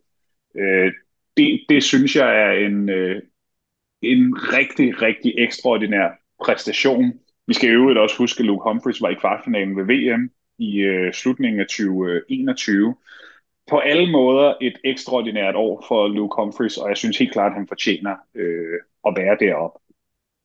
På en anden plads, en spiller, som jeg egentlig ikke havde set komme øh, ind i den her top 3, men som jeg nu har siddet og kigget nærmere på, altså det er Michael Smith. Grand Slam-sejren, den øh, slog det fast med syv tommer søm. Vi skal altså bare lige huske på, Michael Smith, han var i finalen ved VM, og havde det ikke været for 22 superhelte minutter for Peter Wright, så havde Michael Smith formentlig startet det her år som, øh, som øh, verdensmester. Han har desuden været i UK Open-finalen, var jo også i øh, Europamesterskabet finalen, vandt over i New York øh, en World Series og har snuppet tre sejre, tre sejre i træk på Players Championship-turen. Han, det året blev også, 2022 blev også året, hvor han fik sin første Europatur sejr. Så jeg tror ikke rigtigt, der er noget at diskutere, at øh, Michael Smith han sidder på den anden plads. Og nu vil jeg love jer ikke at tale mere om øh, vores nummer et. Jeg har allerede snakket om ham rigeligt. Michael van Gerwen, naturligvis årets spiller i øh, år 2022. Altså, bare lige for at sige det, hvis nogen anden spiller havde vundet Premier League, Matchplay, Grand Prix, øh, Players Championships Finals, to guldturneringer og tre Europatur-turneringer. Altså, så havde det jo ikke været til at fatte. Det er kun fordi, det er Michael van Gerwen, at vi tager det som en, åh oh ja. Mm. Så Michael van Gerven, tillykke med, med titlen. Jeg har også nogle bobler, men jeg synes næsten, jeg vil sparke den over til jer og høre, øh, om I er enige, eller om, øh, om I ville have haft andre i den. Ja, personligt har jeg faktisk ikke forberedt en uh, top 3, så jeg synes, den er, den er lidt sværere at pege på en årets gennembrud, fordi der er flere kandidater. Uh, så jeg tror egentlig, jeg vil, jeg vil anerkende listen. Um, den eneste kommentar, jeg havde, det var i forhold til, uh, jeg tror, du fornævnt, at Michael Smith han fik sin første Europatur-sejr uh, i den her sæson. Uh, det, det var den første siden 2017. Uh, han havde vundet fire før det, så det kan være, det var en fortalelse. Okay. Øhm, men, øh, det, det, det er helt klart en fortalelse. Ja. Eller det var faktisk manglende viden, vil jeg nok nærmere erkende. Godt, jamen så, så suser vi over til, til Mads. Øh, nu, nu var vi så onde med dig før, så kan du lige øh, svine Jonas liste til. Men det er jo irriterende, når jeg ikke kan det, fordi jeg er jo enig med manden. altså, jeg, synes, jeg synes, det er svært at smide andre navn ind i, fordi man kan sige, øh, det mest naturlige vil jo være at kigge på nogle af topspillerne, men, men jeg synes jo ikke, der er så mange andre, der egentlig kan tillade sig at komme derind. Gervin Price har jo ikke haft et sådan sønderligt vildt øh, 2022 i forhold til, hvad man kunne forvente af ham. Og som du selv øh, er inde på før med floppet, Peter Wright, han har jo været helt væk, kan man sige, altid i betragtning. Øh, og så er der andre, der har lige været op og snuse og sådan noget, men der er ikke nogen, der på samme måde som rigtig har stået sig fast, som, som de tre, så jeg kan ikke rigtig indvende noget for at være ærlig. Mm. Altså jeg vil sige, jeg vil sige, den mand, som var tættest på, det var det faktisk Gervin Price. Nå. No. Jamen, Gervin Price er også øh, en af de tre bobler, jeg har, men, og det kan også godt være, det er hjertet der, men når man tænker på, hvad Nathan Aspinall, eller hvilken sæson Nathan Aspinall kom fra sidste år, alligevel at komme frem til to major-finaler, øh, i den grad være i spil til Premier League, det tror jeg ikke, der var mange, der havde forventet, inden den her øh, sæson startede. Øh, to major-finaler, vanvittigt flot. Altså, Gervin Price, jeg er med, Mads, men vi må alligevel sige, at Gervin Price vinder World Series Finals og vinder også i New Zealand. Han vinder en Europatur, vinder to øh, Players Championship, er i en World Matchplay final og i øvrigt også øh, i finalen ved, ved World Cup'en. Altså, det, det, det, er jo, det er jo en ekstraordinær god præstation, hvis ikke man var Gervin Price. Øh, og derfor så synes jeg faktisk stadig, at både Michael Smith og Luke Humphreys resultater er mere værd. Bum. Vi, øh, ja, vi, vi siger tillykke til alle vinderne af de her priser. I særdeleshed Ryan Searle med selvfølgelig den fornemmeste pris af dem alle. Og øh, podcasten er allerede ved at blive lang nok i forvejen, så øh, vi tager hul på næste programpunkt. Og øh, det er de største historier i dansk dart siden sidst. Per Larsen, the top player from Denmark. Double 10. Per Larsen will front for the match. Have you seen joy like this on the Euro Tour this year? I don't think I have. Og øh, det første punkt her, det er øh, Dansk Dart Superliga.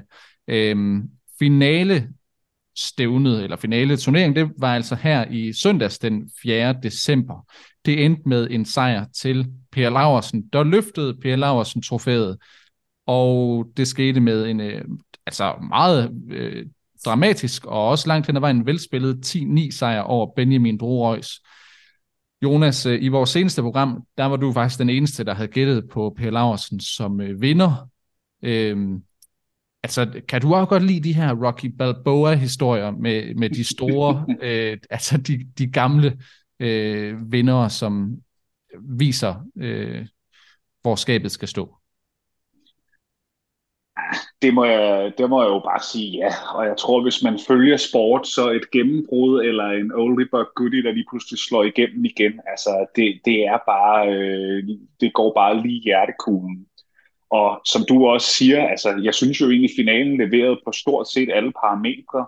Benjamin Droge, utrolig velspillende, øh, langt over 90 dele af kampen i snit, øh, og og, og krakelerer bare stille og roligt, som Per Laversen øh, kommer tættere på. Det, det, var, det, det var, som jeg også tidligere har talt meget øh, stærkt for, jo helt klart der, der talte mere til sådan en seer som mig. Øh, hele finalestævnet, den måde det kørte på, så jeg håber, at altså, det kunne man også forstå på Darts Slangerup, øh, eller Slangerup Dart Klub efterfølgende i deres egen tale, at de havde fået blod på tanden, og jeg har indtrykket af, at det er kommet for at blive, og jeg håber det også. Det kunne måske være, at Dartnyheder.dk skulle kommentere finalestævnet næste år. øh, det, kunne da, det kunne da lige have løftet det hele en lille smule. Men øh, ja, det var, det var sgu en fornøjelse at se Per vinde, og det bliver spændende at se, hvad der sker næste år for ham. Der vil vi gerne lige lægge en billet ind til, til Slangerup Dark Club. Skulle I øh, have lyst til at invitere et par kommentatorer med til turneringen øh, næste år, så øh, I har vores nummer. Øhm, lad os lige øh, helt kort, Jonas. Øh, du får lige lov til at fortsætte. Turneringen fortsætter jo i det nye år. Øh, der kommer faktisk til at være flere spillere med. Jeg fik sagt lidt forkert i det seneste program. Øh, de otte kvartfinalister er direkte med til næste sæson, og så er der 10 pladser at spille om. Så det bliver en 18 mand stor turnering næste år. Muligvis har jeg sagt noget forkert igen. Men hvad tror du, vi kan forvente af turneringen i 2023? Jamen altså, der er jo ikke nogen tvivl om, at turneringen har været med til at for eksempel udbrede mit eget, og, og folk jeg også kender, der er interesseret i darts kendskab til danske dartspillere. Det synes jeg er et kæmpe plus. Og som jeg også har indtrykket af, at folk, der er mere omkring altså dartmiljøet, så er det jo en turnering, der er med til at stimulere vores bedste spillere. Og jo mere vi kan få stimuleret vores bedste spillere, jo bedre. Så kunne det være næste år, man har to stævner, som, som er sådan lidt mere seværdigt end de her round of robins, hvor alle bare spiller mod alle. Det, det vil jeg i hvert fald ønske. Samtidig vil jeg også godt kunne forstå, øh, hvis det er den her måde, man gør det på øh, fremadrettet. Men at se flere danskere spille, at se flere danskere spille på højst mulige niveau, det, det kan kun være godt for alt. Mads, vi skal også lige have sat et øh, par ord på Benjamin Brorøjs. Han øh, misser jo otte matchpil for øh, finalen, øh, og udstiller måske også lidt, at øh, selvfølgelig er han øh, ikke nær så erfaren som Per Laversen. Øh, man kan sige, det er jo marginaler, når man har otte matchspil. Men øh, han er den eneste spiller, der over hele sæsonen i Dansk Dart Superliga spiller med et gennemsnit over 80. Han er kun 23 år gammel. Hvor tror du, at loftet er for Benjamin Brorøjs? Mm, ja, øhm, jamen det er, sgu, det er jo svært at sige, og man sidder jo nok også lidt med noget dansk jantelov og tænker, kan man godt tillade sig at sige, at han kan sgu godt tage et turkart, ikke? Altså det, det, det er jo ikke fordi, vi har vildt meget historie for at gøre det her i Danmark, så det er, det er måske svært at sige, at han kan gå helt dertil. Men jeg synes da bare heller ikke, at jeg vil udelukke det, som du selv siger, han er 23, og øh, han har været med i, i, i en del år, kan man sige, men, men 2022 har jo virkelig også været år for ham, hvor han virkelig har fået, øh, fået sat sit navn fast i, i dansk start. Øhm, så altså, jeg vil jo egentlig ikke turde udelukke noget som helst, men selvfølgelig er det nok ikke, fordi turkartet lige kommer i morgen. Der er nok nogle år endnu, hvis det skal være, men, men det ser godt ud, og øh, han bliver da en fast del af det danske landshold i en lang overrække, tænker jeg. Øhm, og kommer til at spille med i, i toppen af dansk start generelt til diverse turneringer. Øhm, og så må vi så se, om han kan, han kan få det ud over landets grænser. Mm. Jeg synes jo, det er et øh, fint springbræt for lige at se lidt ud i krystalkuglen. Jonas, øh, til januar, når der er Q-school, og vi skal se på det med, med danske øjne, så øh, er der jo Benjamin Dorøjs og Andreas Toft Jørgensen som de vel nok bedste danske bud. For, altså, hvordan ser du mulighederne for, at øh, vi kan få to danske turkart-indehavere? Er det for meget at bede om? Øh, ja, det er for meget at bede om. Altså, det, det, det er nok at... Altså, jeg vil gerne håbe på det, men jeg tror, at det er en postgang for tidligt, både for Benjamin og for Andreas.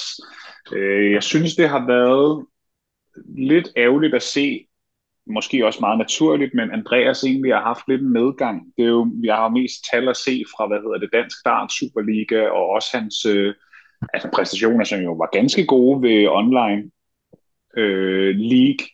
Men det siger mig, både for Benjamin, nu der stod i den her finale ved Dansk Start Superliga, og også Andreas, at det her med at præstere sit absolute topniveau, når der er allermest pres på, Øh, det, det mangler jeg stadig nogle endelige beviser øh, for. Og, og derfor så tror jeg også, at, at, at decideret snuppe et, øh, et uh, turkart ved Q-School nu her, det, det virker urealistisk. Mm. Jeg, øh, jeg havde også dykket lidt ned i tallene, og man kan sige, at da Vladimir Andersen han vandt sit turkart i januar, så var det jo på det næst yderste mandat, og det var altså med et samlet gennemsnit på 86 ved Q-School. Så det kræver, at man lige løfter niveauet øh, med nogle point. Og selvfølgelig, hvis Benjamin Bro han havde spillet øh, mod bedre modstandere end i Dansk Dart Superliga, så var hans gennemsnit oplevet lidt højere end de 80, som han er noteret for. Øh, men jeg synes også, der er en tendens til, nu har vi set det både ved øh, Nordic Darts Masters, øh, men så det også her i Dansk Dart Superliga, Benjamin Bro Reus, han er en spiller, som øh, lige skal finde sig til rette, før han øh, for alvor rammer øh, sådan et stabilt topniveau. Og øh, der kunne jeg også godt være nervøs for, at det nok er en, en postgang for tidligere at tro på, at, at han også rammer det niveau, vi håber på ved Q-School allerede til januar. Nu må vi jo se, om han deltager. Det har han jo givet udtryk for, at han gerne vil. Øh, og så har jeg også noteret mig det samme, at altså, Andreas Toft Jørgensen, han var så god ved Q-School. Altså det taler vi faktisk ikke nok om. Han spillede med et snit på 84 over hele Q-School, og vi har set glimt af det sidenhen, blandt andet ved, ved World Cup of Darts, men øh, på PDC Nordic and Baltic-turen har, har det jo langt fra været, hvad man kunne have håbet på.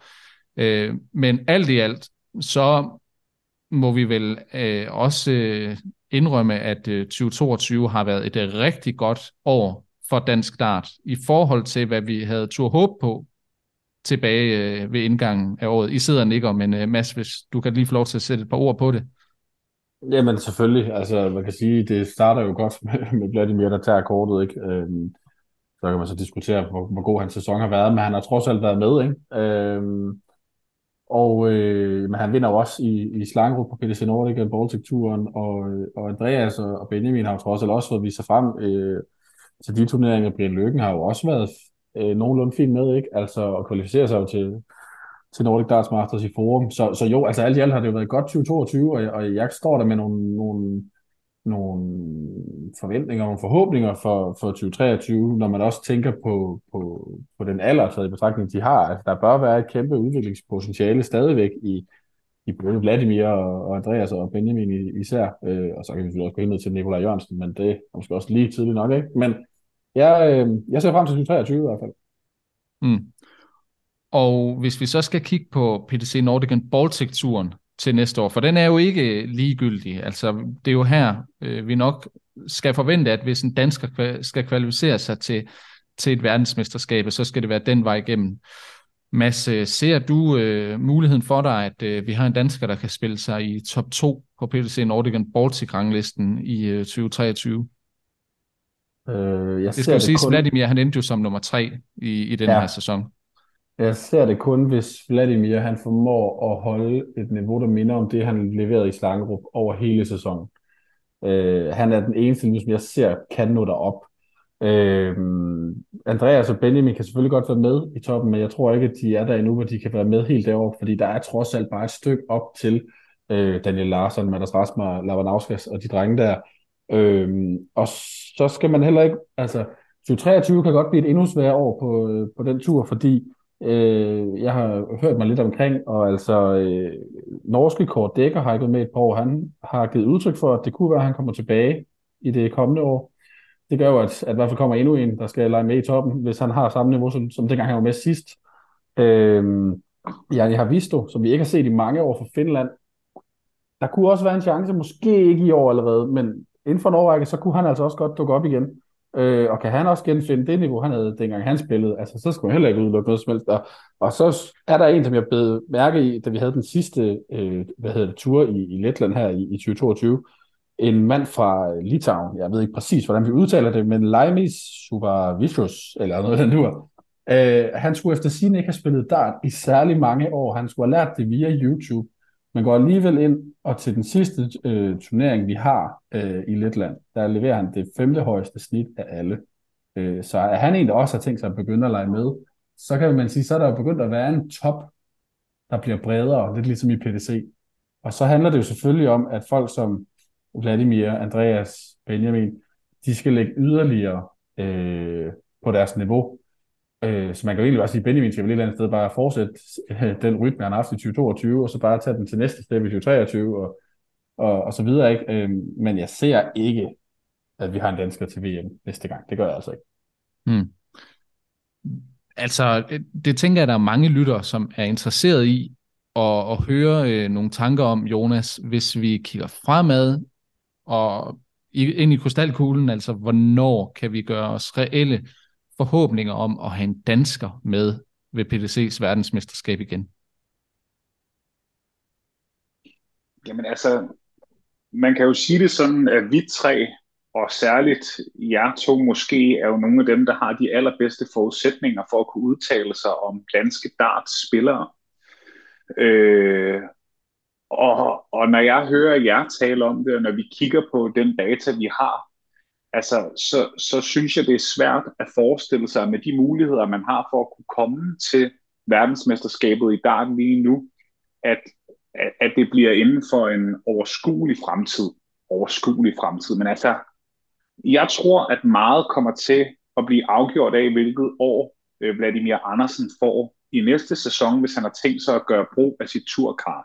Fordi jeg tror efterhånden, øh, vi kan blive enige om, med mindre han tager et eller andet ekstremt deep run i UK Open, praise be, det håber vi, at, at, øh, at Vladimir Andersen skal aflevere sit turkort tilbage næste år. Men hvis Vladimir Andersen får en sæson, der ikke nødvendigvis er øh, ekstraordinær, men bare får nogle af de der oplevelser, der, der gør og beviser over for ham selv, at han kan være med Jamen, og, og han finder ud af, hvordan han kan løse det her i sit liv med at være meget i England, med at spille øh, PDC, øh, Nordic and Baltic Touren og så videre. Så tror jeg fortsat på, at han er vores bedste bud inden for sådan de, de kommende år. Øh, og, og hvem ved så året efter, så opgiver han måske sit turkart, men, men har fået selvtillid og kan være en udfordrer på Challenge-turen øh, og så videre. Så, så jeg tror fortsat, at Vladimir Andersen er vores bedste bud. Øh, men, men altså, vi kan jo kun håbe på, at den gode udvikling, som dansk dart trods alt er i, fortsætter næste år. Men jeg tror, at det, det, det er ikke lige nu og her, vi skal forvente at se en dansk spiller ved VM. Mm. Godt. Øh, jeg vil lige hurtigt afrunde den her med Vladimir Andersen, fordi jeg, øh, vi har jo ikke hørt fra Vladimir i noget tid efterhånden, så hvor aktiv han har i sinde at være på Pro-turen i den kommende sæson, det ved vi ikke. Øh, det ved han måske ikke engang selv, men øh, vi må jo bare sige, at det niveau, han leverede ved Q-School, det var med længder det bedste dart, vi har set fra en dansk dartspiller i mange år og øh, med længder bedre end det, vi kan have forventninger og forhåbninger om, at en anden dansker kan levere. Øh, så Vladimir, hvis du lytter med, øh, vi håber, at, øh, at næste år bliver, bliver dit år, fordi hold fast, du er en, øh, en dygtig dartspiller. Så vi krydser fingre, og øh, samtidig så bevæger vi os videre i programmet. Vi skal nu til øh, Power Ranking. Det er en top 5 over de bedste dartspillere på planeten netop nu. Jonas, værsgo.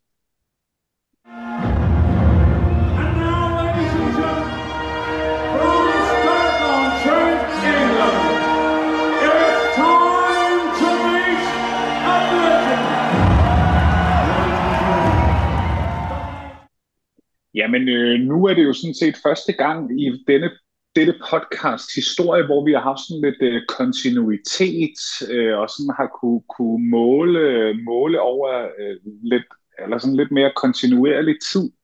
Så jeg tror egentlig bare, at jeg vil kaste øh, mig direkte ud i det og tage den fra en femteplads og op til en førsteplads. På femtepladsen, og for første gang tror jeg egentlig officielt i øh, denne Power Rankings historie, der har vi øh, Dirk van Dijvenbode inden jeg synes, at det niveau, Dirk han har leveret, ah, måske han også, ja, måske han har været indført nok. Men jeg synes immer væk, det niveau, som han har leveret over nu, øh, mere eller mindre de seneste 3-4 måneder, selvom der har været øh, skovhister her, men, men det er så solidt, at, at han hører bare til i toppen af, af, af den liste lige nu. Michael Smith har jeg på en fjerdeplads, og det er til trods for, at han ikke leverede ved Players Championships Finals. Øh, jeg tror ikke, det var nødvendigvis nogen dårlige ting, at han lige fik en snitte. Vi diskuterede det jo i seneste podcast, Daniel, om den her Grand Slam sejr så bare ville gøre, at Michael Smith han fløj derud. Jeg frygtede lidt, at det her det ville ske, og det skete så også for ham. Men jeg tror måske egentlig, det er meget godt lige at se virkeligheden i øjnene frem mod VM nu her. På en tredje plads, og øh, både vinderen af årets gennembrud og en tredje plads på årets spiller, der har jeg Cool Hand Luke lige nu. Øh, jeg synes, der er så mange ting, der indikerer, at Luke Humphries, han muligvis er det næste store i dart, og jeg tror ikke, der er nogen, der har lyst til at, at spille mod ham i øjeblikket. Overraskende nok, måske for nogen, men så kan jeg simpelthen ikke tage Gervin Price øh, væk fra hans anden plads, som jeg også i øjeblikket placerer ham på. Øh, det har ikke været øh, en vanvittig god november for øh, Gervin Price, men hans meritter og hans år taget i betragtning, så kan jeg simpelthen ikke øh, tro andet, end at han kommer til, leve- til at levere en rigtig, rigtig god præstation. Det er også et format, der tiltaler Gervin Price, og øh, det er så en lidt, øh, lidt utidig lodtrækning, han har fået. Det kommer vi til at tale om senere, men øh, jeg tror fortsat på, at Gervin Price han er den næstbedste spiller i verden. Og det efterlader os jo med nummer et, Michael van Gerwen. Der kan ikke være så mange, meget tvivl. Øh, verdens bedste dartspiller, øh, også med et lille stykke i øjeblikket. Øh, og det betyder jo så også, at Peter Wright han er rådet ud. Jeg vidste ikke, hvad det ville betyde, men, men det her, den her pointe med, at han ikke har kastet en konkurrencedygtig pil i alligevel øh, en lille måneds tid, når VM starter, det, det giver mig tvivl, og det er også derfor, jeg ikke har ham med på øh, lige i øjeblikket. Så øh, mm. det er listen. Ja. Peter Wright er jo i hvert fald den øh, helt store, øh, jeg ved ikke, man kan kalde øh, verdensranglistens nummer to en dark horse, men øh, det er han jo på den baggrund, at vi aner jo ikke, hvor han øh, befinder sig. Øh, eller jo, men øh, fysisk forstand gør vi, men ikke spilmæssigt. Øh, Mads, hvad tænker du om den her top 5? Jamen, øh, jeg ville ønske, at jeg kunne sidde og skabe noget øh, ravage og være dybt uenig, men, men det synes jeg, jeg har svært ved at være. Øh, jeg synes egentlig, Jonas rammer den meget godt. Jeg bider mærke i, i, i to navne, som man kan sige, måske kunne have været med, men så igen, jeg forstår også godt, at de ikke er med. Og kigger man over de sidste par uger, så, eller ikke på uger, på måneder, øh, så kan vi bare heller ikke komme udenom, at Dave Chisnell, han spiller altså med et rigtig øh, pænt øh, snit for tiden øh, men uden at det rigtigt måske er fledet til noget, og så giver det jo selvfølgelig også god mening, at han ikke er med her, og så kan man sige, at Josh Rock har jo også ligget med et ret højt niveau, øh, men øh, efter den kamp mod Michael van Gerwen ved, ved Grand Slam, så kom det måske også lidt ned på jorden igen med ham øh, ved Players Championship Finals. Øh, så altså, skulle jeg skifte nogen ud, så skulle de to være kommet ind, men igen, jeg kan ikke sige, hvem de skulle have erstattet, så jeg synes egentlig, Jonas han rammer den meget godt. Mm det sjove ved en spiller som David Chesnell, det er jo også, at som du fuldstændig siger, Mads, det er, jo, det er jo ikke blevet til noget med det her høje niveau. Altså, jeg har lidt en fornemmelse af, at jeg kunne stille David Chesnell op mod, lad os sige, en øh, Dirk van Duivenbode, og de så skal spille først til 100 legs, så vinder David Chesnell. Øh, simpelthen fordi, at han har, han ved bare, når, når han er i kampen og slapper fuldstændig af, jamen så kan han præstere ting, som meget få spillere i verden kan. Men så snart det virkelig spidser til, det har vi jo set mange gange tidligere med alle de major-finaler, han har stået i, uden at vinde en. Han, der mangler bare øh, det, det sidste øh, mentale, mentale brik for, at, at det virkelig kan udmyndre sig i resultater. Øhm, jeg har også en enkelt tilføjelse til Michael Smith, som du nævner, øh, Jonas, og det er jo, at ved Players Championship Finals. Han, han spiller jo trods alt også med et snit på næsten 100. Taber 6-5 til en spiller, der snitter 10 point lavere end ham. Det er, hvad der sker. Øh, han, der var ikke nogen alarmklokker for ham mit vedkommende der. Men lad os alligevel lige snakke om, om Peter Wright, som du jo ikke har med på listen. Altså, han er regerende verdensmester. Um, hvad, hvad, hvad kan vi håbe på, eller hvordan skal vi snart sige det? Uh, Peter Wright, hvad, hvad, er det, hvad er de realistiske forventninger, vi kan have til ham ved, ved VM, Jonas? Jamen, det, det, det altså man, så vidt jeg kan forstå, så så jeg et tweet fra Peter Wright om, at hans kone er hjemme igen. Mm. Og det må jo betyde, og det er nogle uger siden, og det må jo betyde, at Peter Wright har haft mulighed for at lave den VM-forberedelse, som han gerne ville. Det gik jo rigtig godt sidste år. Øh, jeg, jeg aner det simpelthen ikke, Daniel. Og det tror jeg, at der er rigtig mange øh, dart-eksperter, også væsentligt større end eksperter, end, end, end jeg er og vi er, der, der sådan set er, er enige om. Det her element med ikke at have kastet en konkurrencedygtig pil, det, det taler jo ikke til Peter Wrights fordel. Omvendt, hvis han kommer frisk, veludvilet, har kunne træne øh, i fred og ro, så så er det jo en dobbelt verdensmester, som har vist adskillige gange, hvilket øh, niveau han besidder. Så jeg tror først for alvor, vi, vi får svaret på åbningsaften, når han, når han står der, og lurer mig, om han ikke spiller en, en relativt øh, middelkamp, men nok skal klare sig igennem, og så er alting muligt derfra. Mm. En øh, sidste kommentar til din power ranking fra mit vedkommende, det er sidste år, der, øh, jeg var lige inde og høre vores øh, sidste års podcast, jo, og øh, jeg fandt din top 5 fra samme tidspunkt sidste år. Der er en spiller, øh, som var baseret på anden pladsen dengang, som slet ikke er med i din top 5 nu. Kan du huske, hvem det var? Ja, det må være Johnny Clayton.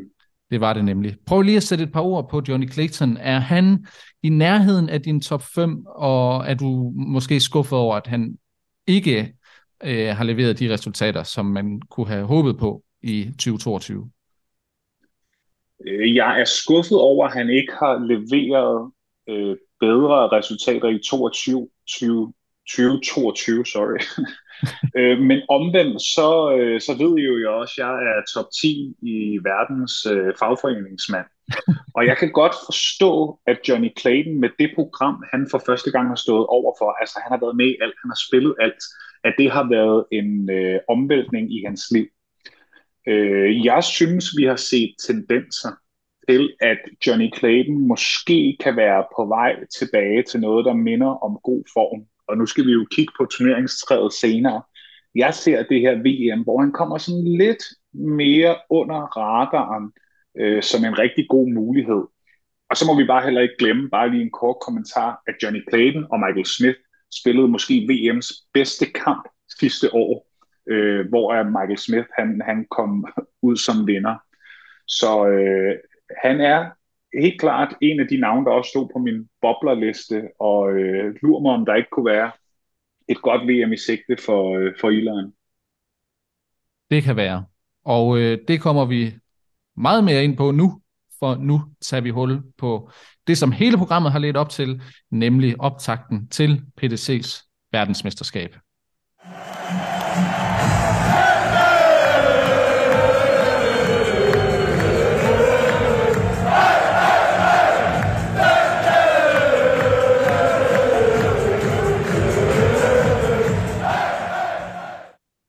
Og øh, helt kort i forhold til turneringen, så lad os lige få nogle øh, små detaljer på plads.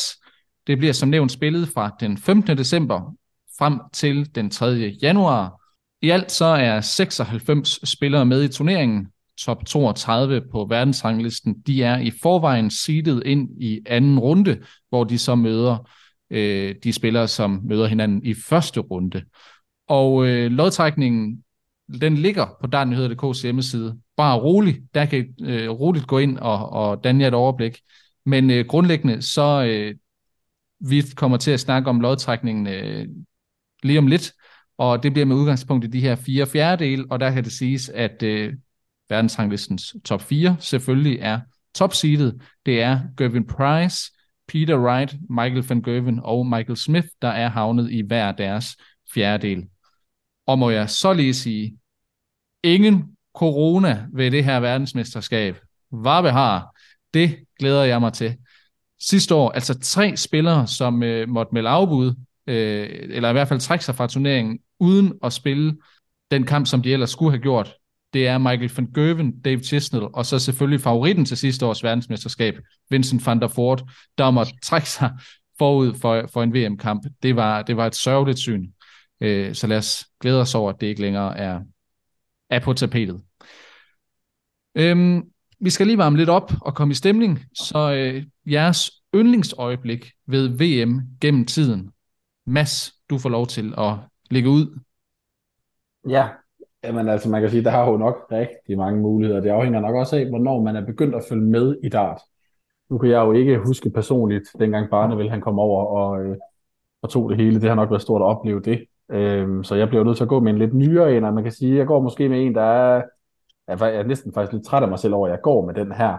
Øh, men det er øh, Fallon Sherrocks sejr over til Davids. Øhm, og det skal ses i den kontekst, at den, øhm, den stemning og den palaver, hun fik skabt omkring den sejr, både øh, hvad man kunne fornemme i Alexander Palace og fra kommentatorerne, men også hvad det førte med sig øh, hos mange andre. Øh, jeg er faktisk i tvivl, om det var sejr mod til eller om det var øh, kamp mod Suljovic øh, efterfølgende. Men en af dem så jeg i hvert fald inde øh, på, øh, på det her øh, værtshus, hvor jeg, jeg har arbejdet. Øh, og, og alle fulgte med i den kamp. Og det er altså ikke fordi, der er særlig mange derinde, der normalvis går op i dart. Altså det, det, det skabte bare noget. Og så kan man sige, lever, høj, lever PDC lidt for højt på det stadigvæk, måske. Men momentet i sig selv, det, øh, det vil nok altid stå forholdsvis skarpt i, øh, i, i VM-historien. Mm. Det, altså, det er jo ikke kun dart-historie, vi taler om her. Det er jo sportshistorie.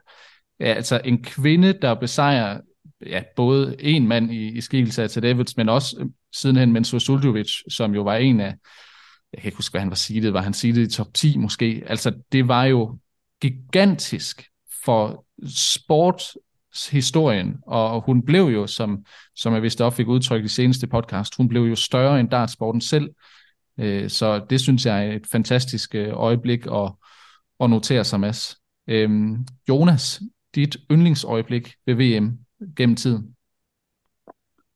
Jamen, jeg er jo lidt øh, i samme boldgade som Mads, forstået på den måde, at jeg ikke fulgte dart dengang, at Raymond van Barneveld og Phil Taylor øh, spillede den legendariske kamp. Øh, og der, der tror jeg ikke rigtig, YouTube tæller. På samme mm. måde var jeg desværre heller ikke ved skærmen, da Michael van Gerwen leverede sine 17 perfekte darts i træk imod James Wade. Det var måske et af de klip, man så, øh, før man overhovedet også øh, fulgte med i darts. Øh, jeg har jo sagt det før, og den nidarter fra Gary Anderson, den første jeg oplevede live, den vil for altid stå som noget helt specielt. Men, men sådan af lidt nyere tid, så tror jeg, at Rob Cross, Michael van Gerwen kampen, det år, hvor at øh, Rob Cross, han blev verdensmester. Altså, jeg fulgte med i dart på et niveau, som gjorde, at jeg forstod og virkelig kunne sætte pris på det niveau, de to spillede med. Jeg sad og så øh, highlights, der popper jo fandme highlights op for VM hele tiden, i, uanset hvilket tweet man er i.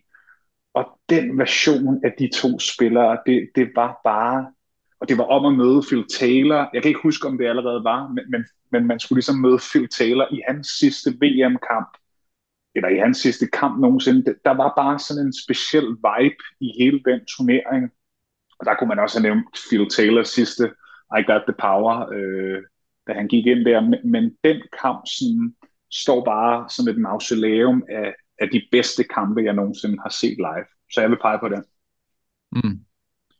Det er også øh, et rigtig godt bud, og også en kamp, som ofte bliver fremhævet, når øh, PDC laver de her lister over de bedste VM-kampe nogensinde, og også øh, meget populært bud, øh, når man læser folks bud ud på de sociale medier. Øh, jeg har snydt lidt. Jeg er kommet til at tage to øjeblikke. Jeg kunne simpelthen ikke øh, dybe mig. Øh, det første er meget farvet af, at øh, man jo er dansker. Og øh, det er øh, Per Laversens sejr over Terry Jenkins ved VM i 2014. Også fordi, at for mig er det personligt den kamp, jeg har været allermest investeret i. Øh, det er jo på et tidspunkt, hvor jeg har været en, øh, jamen det er vel en 18 år gammel, og har selv haft drømme om at blive professionel dartspiller, og Per Larsen var jo det her helt store øh, jamen, idol for, for min generation af dartspillere herhjemme. Så se ham mod, jeg mener, Terry Jenkins lå nummer 15 på verdensranglisten, øh, noget i den stil, og der blev både lavet nidarter, og Terry Jenkins lukkede også 170, og alligevel så kommer Per Laursen sejrigt igennem. Spiller så efterfølgende en, en rigtig flot kamp mod Peter Wright. Øh, altså det var, det var et fantastisk øjeblik som, som dansk dartfan, og jeg kan ikke understrege nok, hvor ondt jeg har Per Larsen over, at dart ikke var så stort i Danmark i dag, eller dengang, som det er i dag, fordi det havde været et fantastisk sportsøjeblik, og det er så ærgerligt, at det ikke har fået mere omtale. Øh, det andet bud, det er, hvis man tager danskerhatten af, jeg synes, øh, kampen mellem Raymond van Barneveld og Michael van Gerwen ved VM i 2016 var kæmpestor. Øh, det var også den her historie om, altså Rocky Balboa-historien mod den nye up-and-coming, og, altså han var jo ikke up-and-coming, han var i forvejen verdensmester Michael van Gerwen, men han var det alt dominerende. Det var det tidligere hollandske KFA mod det nye og alle regner med, at Michael van Gerwen, han bare brager igennem. Men nej, Barneveld, han vinder 4-3, og begge spillere snitter over 100. Altså, det var en kamp, som jeg nød, som jeg sjældent har nyt en, en dartkamp før. Det var fantastisk. Og hvis man ikke har set den, så gå ind og find den. Det er virkelig god underholdning. Ja. Øh, er der mere at sige til det?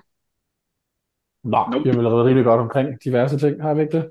Yes. Gode øjeblikke. Det er dejligt at være down memory lane. Det er det nemlig. Og derfor der øh, skal vi også lige have rundet øh, VM. Det er jo noget helt særligt. Men Jonas, prøv lige at sætte ord på, hvorfor. Det er måske et åbenlyst spørgsmål. Men sæt alligevel lidt ord på det. Hvorfor er VM noget helt særligt? Jamen altså, det, det, det der er så særligt ved VM, og det er jo også lidt det, man kan se nu måske ikke lige i år med Katar, men normalt en slutrunde i fodbold for eksempel, det er, at udover at det er den største turnering for alle dem, som følger sporten tæt, så får du lige pludselig en masse andre mennesker ind over, som også vil følge med. Altså, det er dartbegivenheden over dem alle. Flest pengepræmier, øh, flest spillere. Øh, det, det betyder bare noget mere for, for alle mennesker involveret. Der er så mange historier igennem VM, det er jul, altså det, det er på alle måder bare der, hvor de største øjeblikke fødes, og øh, ja, det er ligesom bare sådan kronjuvelen i, i sporten, og, som, og det tror jeg i øvrigt, at VM er i mange sportsgrene øh, generelt, og det er bestemt ikke noget anderledes i dag. Altså, det er sådan en begivenhed, også her hjemme i Danmark, oplever jeg i hvert fald. Vi kan bare se det på vores Twitter-opslag, jo tættere vi mm. kommer på VM, yeah. altså jo, jo flere er interesserede og følger med. Så VM er bare noget særligt og en begivenhed ud over, øh, hvad dart ellers er. Ja, Mads, du vil tilføje noget? Jamen, jeg synes jo også, øh, at det er værd at tilføje, øh, hvad kan man sige, nogle af de øh, hovedingredienser, der nok også spiller. Altså forstå på en måde, det virker jo til, uden at jeg på nogen måde har set øh, VM andre steder end Alexander Palace, men det virker til, at det er en helt rigtig lokation i forhold til stemning. Den bliver bare markant bedre der end så mange andre steder, og det spiller bare en kæmpe rolle. Og så kan vi heller ikke komme udenom, at VM ligger på det tidspunkt, som det gør. Nærmest alt andet sport, jeg er med på Premier League fodbold, de kører hele tiden, men næsten alt andet sport er jo lagt ned i december. Der er ikke særlig meget, og det taler bare til det her VM's fordel. Øh, og det skal ikke for at sige noget dårligt om dart på nogen måde, men, men det, det er fandme tegnet godt, at man har fået det lagt der, øh, fordi der er ikke meget at konkurrere med. Og så tror jeg også bare igen det her med, at det er jo det her med, at der er så mange spillere, så der er så mange af de her øhm, øh, ikke-stjerner, som folk kan spejle sig i, øh, så, så det bliver bare en helt anden forståelse her og få Danmark, eller her og få, øh, det ved jeg ikke, Thailand, øh, når de sidder og ser det, fordi de på en anden måde kan spejle sig i alle de her spillere, der er med, frem for det bare er, er verdenstoppen. Mm. Rigtig god pointe også med, med det her med Alexandra Palace. Det er jo det fant- altså, perfekte sted at afholde et verdensmesterskab. Fantastisk flot spillested. Og så skal det jo også siges, at jeg så for nylig et interview med, med, Matthew, eller med Matthew Porter, øh, administrerende direktør i PDC, som jo sagde, at vi kan jo sagtens sælge mange flere billetter, end vi gør til VM, hvor der i relativ forstand kun er plads til de her 3-4.000 tilskuere. Men der er bare en helt speciel stemning inde i Ali Pali, så øh, det, helt rigtigt også. Øh, for ellers er der jo den her diskussion om, hvorvidt VM bør rykke rundt øh, til eksempelvis Tyskland og Holland øh, en gang imellem. Nå, øh, VM har jo også en gigantisk betydning for verdensranglisten. Øh, det har vi blandt andet set med Rob Cross, som i lang tid lå i top 4 på verdensranglisten, efter han havde vundet VM, men efterfølgende ikke rigtig øh, præsteret. Og Gary Andersens placering på verdensranglisten lige nu er jo også tæt på udelukkende holdt op på hans VM-resultater de seneste år. Er det rimeligt, at øh, VM betyder så meget for verdensranglisten, Jonas, eller er det for meget? Ja, altså jeg, jeg, jeg synes, det er en, en virkelig svær diskussion at tage hul på, fordi at som dart-fan, der følger sporten meget tæt, så synes jeg, at det, det er en snak, der sådan kan gå, kan gå flere veje. Fordi overordnet set, så synes jeg jo, at et VM selvfølgelig skal, give, skal betyde noget specielt på verdensranglisten. Er det fair, at man får det samme for at nå tredje runde ved VM som en kvartfinale ved Grand Slam? Eller er det fair, at det giver 10.000 p- 10.000 pund mere at nå en fjerde runde end en semifinal Players Championships Finals? Altså, det, det, det er jeg i tvivl om, og det tror jeg ikke, jeg sådan har et helt entydigt øh, svar på. Øh, jeg, jeg, jeg synes, den er svær, fordi jeg synes generelt, at det er svært, at vi lever i en tid, hvor dartsporten i nogle dele af verdensranglisten er tættere end nogensinde, og det betyder også, at et VM kan være afgørende for en spiller, det tror jeg godt PDC kan lide, fordi at der er der ikke noget bedre end at kunne have fokus på en spiller, der har leveret en stor VM-slutrunde. Om det er så godt for spillerne og det overordnede niveau, jeg er sgu i tvivl. Altså, øh, jeg synes, det er lidt en, øh, en hjernedrider, men, men når jeg tænker over, hvor meget indflydelse det for eksempel har på, nu kan vi jo se Gary Anderson levere katastrofalt ved Premier League, og det er på, baseret på et godt resultat ved VM, den del er jeg ikke vild med, men jeg har svært ved at gennemskue præcis, hvordan man skulle gøre det anderledes. Og det er jo det, der er ved det her order of merit, altså som man også ser i golf og snooker og så videre. Mm. Det man kan sige, det er, at PDC har jo selv efterhånden talesat, at det måske er lidt skævt. Øh, og løsningen er selvfølgelig ikke at, fordi verdensranglisten er hængt op på, hvor mange præmiepenge spillerne de vinder i løbet af, af 24 måneder. Øh, man vil jo ikke se, at præmiepengene de falder ved verdensmesterskabet, men man vil nok se en periode, hvor de ikke kommer til at stige, men så stiger de til gengæld i andre turneringer. Øh, men øh, gode overvejelser, Jonas. Jeg er fuldstændig enig i dine betragtninger. Mads, du øh, har jo fået den helt store opgave af lige at forsøge at danne dig et overblik over den her VM-lodtrækning. Øh, jeg har bedt dig om at udpege den henholdsvis øh, sværeste og nemmeste, naturligvis i relativ forstand, øh, fjerdedel af lodtrækningen. Så øh, det kunne vi godt tænke os at høre. Jamen, det skal I så få lov til.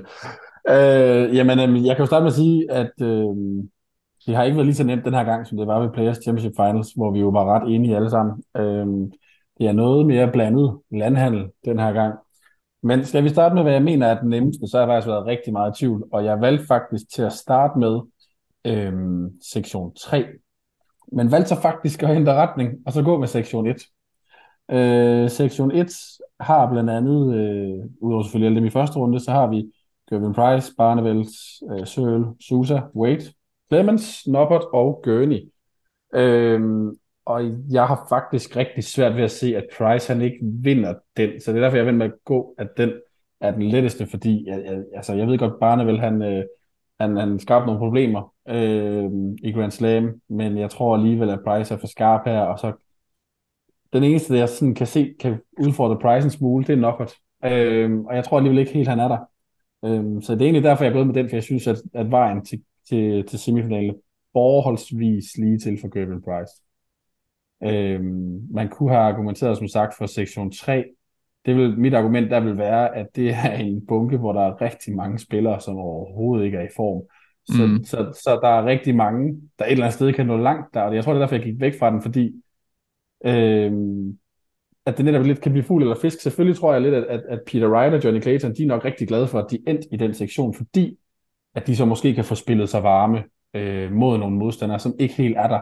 Øh, og, og det kan selvfølgelig gøre, at det så er nemt for dem at nå langt, men igen, de er jo heller ikke, kommer heller ikke med god form, de to, så altså, Peter Wright kunne jo lige så godt tabe til ja, Kim Højbrix eller Kim Barry, hvis det er ham, der når dertil, og, og så videre, ikke? Øhm, men, men det er simpelthen der, jeg er endt med. Øhm, og skal vi så tage den, tage den sværeste, så... Ja, hvis, hvis jeg, jeg lige må indskyde, øh, hvis jeg lige må indskyde, Mads, fordi det er netop også øh, den her tredje fjerdedel, jeg har noteret mig. Og det er, som du siger, øh, men det er måske lige for at få et andet perspektiv på det, man kan også sige, at det er måske den mest åbne mm. øh, fjerdedel af lodtrækningen, i den forstand, at der er så mange spillere, som vi ved kan levere et topresultat. Altså der er Peter Wright, der er Dimitri Vandenberg, Christopher Tejski, Johnny Clayton, øh, Nathan Aspinall, Josh Rock og Callan Ritz. Øh, men der er ikke særlig mange af de her kæmpe store spillere, som alle sammen er kandidater til et topresultat ved et VM, som lige nu er i form. Og det er derfor, øh, altså det er jo svært at sige, hvad der skulle være den nemmeste lodtrækning, men det er, der er andre dele af, af lodtrækningen, hvor man på forhånd tænker, uha, der ved man med sikkerhed, at det bliver meget, meget svært. Øh, men øh, ja, det, øh, det er i hvert fald det er nok den del af lodtrækken, man skal kigge på, hvis man vil se en masse overraskelser. Men mm. øh, ja, du får lov til at fortsætte igen, Mads.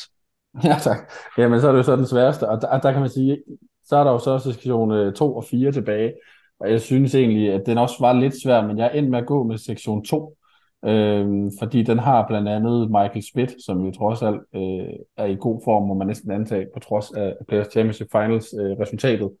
Damon Hetta den der evige mand, der leverer ret høje snit, men hvor det ikke rigtig lykkes. Skal det være nu? Luke Humphries, øh, Dave Chisholm, som vi også snakker om, kan vi heller ikke komme Altså, der er rigtig mange stærke navne i, i den her... Øh, og Andrew Gilding. Ja, og Andrew Gilding, som du jo stadigvæk ikke har opgivet håbet omkring. Øh, så der synes jeg ikke, den er givet på nogen måde, hvem der, der går videre til en semifinal derfra. Jeg synes virkelig, at øh, der er mange, der kan slå hinanden der. Øh, den er også svær i sektion 4 med Van Gerven, der måske skal forbi en Døjvenbåde, og øh, så kan man sige, Gary Anderson, skal han lave endnu en, hvor han bare kører VM-niveau, som han en eller anden grund formår, det ved jeg ikke. Men jeg synes ikke, den er helt lige så hård som, som, som toeren, og det er jo så derfor, jeg er, er gået med den. Mm. Har du nogen kommentar til det, Jonas? Mm, nej, altså jeg, jeg, jeg forstår godt, at masser synes, det har været en svær opgave, fordi at jeg synes egentlig faktisk for en gang skyld, at vi har en lodtrækning, som er relativt øh, jævn fordelt. Det er sjovt, at I begge to var enige om, at sektion 3 var den letteste. Øh, du siger det jo så også selv, Daniel, at, øh, at, at det kan være, at det er den, der er den mest åbne af dem alle fire, fordi jeg synes virkelig, den er led. Altså, hvis jeg var Peter Wright og øh, skulle se længere frem end en tredje runde, altså, så er det stort set kun ubehagelige navne øh, med folk, der kan spille rigtig, rigtig god darts. Øh, og især øh, den nederste del, Nathan Aspinall, Johnny Clayton, Josh Rock, Boris Kratchmer, Callum Ritz, altså alle sammen spillere, som kan levere øh, top dart. Så øh, derudover, så, så tror jeg ikke, jeg har det store tilføje. Mm. Jeg tror også det, og det gav du også udtryk for, Mads, den helt store øh, ja, betragtning og, og drage af den her lodtrækning, det er, at det ser faktisk rimelig øh, ligeligt fordelt ud. Der er ikke nogen, der har fået en, en væsentlig øh, mere privilegeret øh, lodtrækning end, end nogle af de andre. Øhm, så svær opgave, men du løste det fint. Hvilke indledende kampe kan vi så se frem til, Jonas, herude i, i de, den første runde? Ja, altså vi sad jo og skrev en lille smule i forbindelse med, at lodtrækningen blev sendt på YouTube, og var sådan ved første øjekast måske enige om, at der ikke var sådan de helt, helt store blockbuster i, i den første runde. Men jeg synes immer væk, når man sådan har taget lupen og kigget øh, lidt længere ned i programmet, at der trods alt er øh, masser af rigtig gode og spændende kampe. Øh, jeg tror, jeg vil lyve, hvis ikke, at jeg sagde, at den kamp, jeg ser allermest frem til, det er William O'Connor og Bo Graves, der endelig skal have øh, sin debut, den her mageløse 19-årige pige, kan man vel godt øh, tillade sig at kalde hende, som jo bare her i løbet af de sidste måneder er braget ind øh, på den store scene. Øh, William O'Connor er ikke nogen dårlig dartspiller. Han har også tidligere været en af mine små hipster-favoritter, og jeg tror, det kan blive en drabelig kamp i en første tre sæt øh, mellem de to. William O'Connor skal stå imod et helt Alexandra Palace, øh, og det er bare spændende at se, hvordan øh, uh, Bo Graves, altså hun siger selv hele tiden, at dart skal være sjovt på den måde, at hun har kunne levere de resultater, hun har gjort. Jeg er spændt på at se, hvordan uh, presset det, det kommer til at, at, at føles, når hun så endelig, endelig står der. Øh, der er også en anden interessant lodtrækning. Øh, Ryan Joyce og Scott Williams skal mødes. Ryan Joyce har tidligere præsteret topsolidt ved VM. Scott Williams er jo den her lidt flamboyante mand, der, øh, der gjorde sin entré senest her ved, hvad hedder det, Players Championship Finals, eller var det Grand Slam? Han var med Nå. ved begge. Ja, men hvor man sådan for første gang så interviews med ham rigtigt, og han uh, troppede op i gule sko i en gruppekamp ved Grand Slam. Han er sådan, Wayne Marvel sagde, der er ikke en mand med mere swagger på den tur, og en naturlig selvtillid, uden det er for meget. Øh, og vinderen af den kamp skal møde Rob Cross. Altså, det er på en eller anden måde et uheldigt lille miskmask for alle tre involveret. Ricky, Evans, Ricky Evans mod Fallon. Jeg ved godt, at øh, PDC I kan bare sende en check for mig for at fremhæve kampen, men selvfølgelig glæder jeg mig til at se Fallon Sherrick igen på, øh, på Alexandra Palace scene. Så har jeg også øh, ret store forventninger til Adrian Lewis øh, mod vores næsten broder Daniel Larsen. Altså, jeg synes virkelig, at jeg har set Daniel Larsen præstere øh, rigtig, rigtig flotte topniveauer i løbet af, af året. Og hvis det er den udgave af Adrian Lewis, som jeg så tabe til, hvad hedder det, um, Keen Barry ved Players Championships Finals, så tror jeg ja, godt, Daniel Larsen der var han godt nok dårlig. Præcis, der, der kunne han godt uh, have, en, have en chance. Og vinderne af den kamp står så til at møde Damon Hetta. Øh, som du også siger, Mads, det bliver virkelig spændende at se, hvad vi får der. Et sidste opgør, jeg synes bare, det er sjovt, vi skal se The Battle of North America, Matt Campbell mod Danny Baggish. Danny Baggish, han var en, øh, en, en mand, som jeg tror mange lagde mærke til ved det foregående VM. Matt Campbell er jo en mand, du selv, Mads, har sagt, er sådan en lille, lille favorit også, og øh, sådan USA-Canada-opgør der i første runde, det, øh, det bliver sjovt. Og bare en sidste, Robbie John mod Ilagan, hvad hedder det, øh, hvad hedder han nu til efternavn? Jeg har kun skrevet uh, uh, Lawrence. Ja, Lawrence Ilagan. Altså, jeg har hørt Wayne Mardell snakke om, om den her mand rigtig mange gange. Nu så jeg ham sidste år, hvor jeg først, for første gang sådan lag, lag mærke til ham. Øh, og det opgør mod Robbie John, det, hvad hedder det, det tror jeg kan blive spændende. Jeg synes, det er nogle rigtig gode kampe, du fremhæver, øh, Jonas, og øh, jeg håber også, PDC de sender en, øh, en lille gave til dig øh, for at proklamere Fallon Sherrock igen. Øh, et enkelt opgør, som jeg vil fremhæve også, det er øh, Mike D. Decker mod Jeff Smith. Måske ikke, må, øh, må jeg lige have lov til at tale ud? Måske ikke ved første øjekast, men øh, vi graver lige lidt dybere her, fordi Jeff Smith, han står altså i en situation, han er lige nu placeret som nummer 63 på verdensranglisten. Afhængig af resultaterne ved VM, så kan det vise sig, at han er nødt til at vinde den her kamp for at beholde sit turkart. Derudover, så Mike de Decker. Jeg, jeg nævnte ham også sidste podcast. Jeg, jeg ser ham, hvis han vinder den her kamp, så ser jeg ham også vinde over Minster Sultovic, og så tror jeg altså, at der er et... Det er en kamp, jeg ikke vil gå glip af mellem ham og Michael van Gerwen i en tredje runde. For hvis Mike de Decker, han er nået dertil, så er det fordi, han har spillet godt, og han kan på dagen. Altså han laver 180'er som næsten ingen anden. Jeg, øh, jeg ser frem til den kamp, for der er også en kamp i kampen mellem øh, Jeff Smith og Mike Decker. Jeff Smith, han, han har øh, kniven for stroben. Så øh, den vil jeg også notere mig. Og øh, ellers så helt klart den blockbusteren for mit vedkommende, det er også på Greaves. Øh, og jeg skal ikke øh, sige så meget mere om det, men det jeg har noteret mig, det er, at hos bookmakerne, der er hun kriminelt undervurderet i forhold til den her kamp mod William O'Connor, som er kæmpe favorit. Øh, men for mig at se, så er det fordi, man ikke har fulgt ordentligt med. Bo Greaves, hun, altså, hun har niveauet til at have et turkart. Hun er virkelig god. Yes, øh, vi kom igennem den del også. Øhm, Mads, øh, hvor tror du, at øh, vi kan se en potentiel overraskelse ved det her verdensmesterskab? Jamen, øh, det er faktisk en, øh, en mand, som øh, Jonas har lige nævnt kort før. Jeg tror faktisk godt, vi kunne se noget fra Robbie John. Øh, jeg er med på, at man kan sige, at hans første runde kamp mod Lawrence Iliagan, altså, det er måske ikke en af de... Altså, han kunne have trukket en bedre modstander i første runde. Det tror jeg, vi alle som kan være enige om. Altså, en, der var nemmere at slå, forstået på den måde. Øh, men, men jeg tror godt, han kan komme forbi der. Og så netop fordi, så render han ind i en Dimitri, som overhovedet ikke er flyvende. Han render ind i en Ratajski muligvis, måske Dan Jansen, det skal jeg selvfølgelig selv, som altså heller ikke er flyvende. Øh, så jeg tror godt, han, han har lodtrækning til, at han godt kan nå et stykke. Øh, der er selvfølgelig den her faktor med alt det her med, at, øh, at der var også noget med en datter, der var indlagt på grund af noget, noget sygdom, og han har været lidt ude, og hvad kan vi egentlig forvente, og hvad, altså hvad for en person af ham er det, der kommer ind til det her VM. Men, men hvis han netop kommer og tænker, jeg har ikke rigtig spillet, jeg spiller frit, altså der er ikke noget pres på mig, de kan ikke have forventninger til mig, når man tænker på mit seneste halvår, så kan det jo godt være, at han netop bare kan finde det der niveau, som vi blandt andet så under, øh, under World Cup, hvor han jo var fuldstændig eminent. Øh, så, så jeg synes, at øh, skal jeg pege på en, så synes jeg, at han er en af de sjove bud. Mm.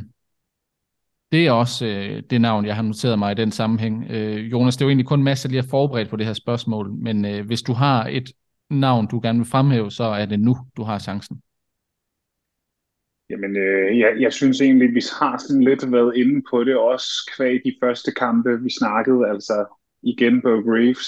Øh, vinder hun den kamp over William O'Connor, så er hun ikke uheldig med at skal møde en Gabriel Clemens. Mm. Jeg har set Gabriel Clemens uh, buckle under pressure og være sådan, have en helt Alexandra Palace imod sig. Det tror jeg ikke nødvendigvis er, er det, han, han håber på. Og hvem ved så i en, i en tredje runde kamp, James Wade, Altså, derfra er, er alt, øh, derfra er alt muligt. Mm. Godt. Du, du får lige lov til at fortsætte lidt endnu, Jonas, fordi hvis vi skal, så skal kigge i den modsatte kategori, øh, hvilke favoritter kan vi på forhånd øh, altså have øh, for formodninger om, kan risikere at, at floppe eller skuffe ved det her verdensmesterskab? Jamen altså, jeg var kort inde på det, men for mit vedkommende, så synes jeg ikke, Gervin Price han har været specielt heldig med den lodtrækning, som, øh, som han står over for. Luke Woodhouse, det er et navn, som, som jeg var opmærksom på for måske en tre år siden, og han har haft det mega svært. Jeg synes ved Grand Slam, øh, vi så øh, tegninger af, at han muligvis kunne være tilbage på, øh, på vej til niveau. Øh, han skal møde øh, Ukraineren Omolchenko, og selvom jeg følger meget med i Darf, må jeg erkende, det, det er ikke et navn, jeg har stødt på så meget før. Og vi har bare set de her favoritter, altså hvis Luke Woodhouse kommer fra en superpræstation, og Gervin Price han træder ind på scenen, og han skal spille sin første kamp, jeg tror godt, den kunne blive tættere, end øh, man lige forestiller sig. Og hvis han så klarer den, så er det bare Raymond van Barneveld, han står overfor i en tredje runde. Han har aldrig slået ham på den store scene. Han har senest lige tabt til ham igen på den store scene.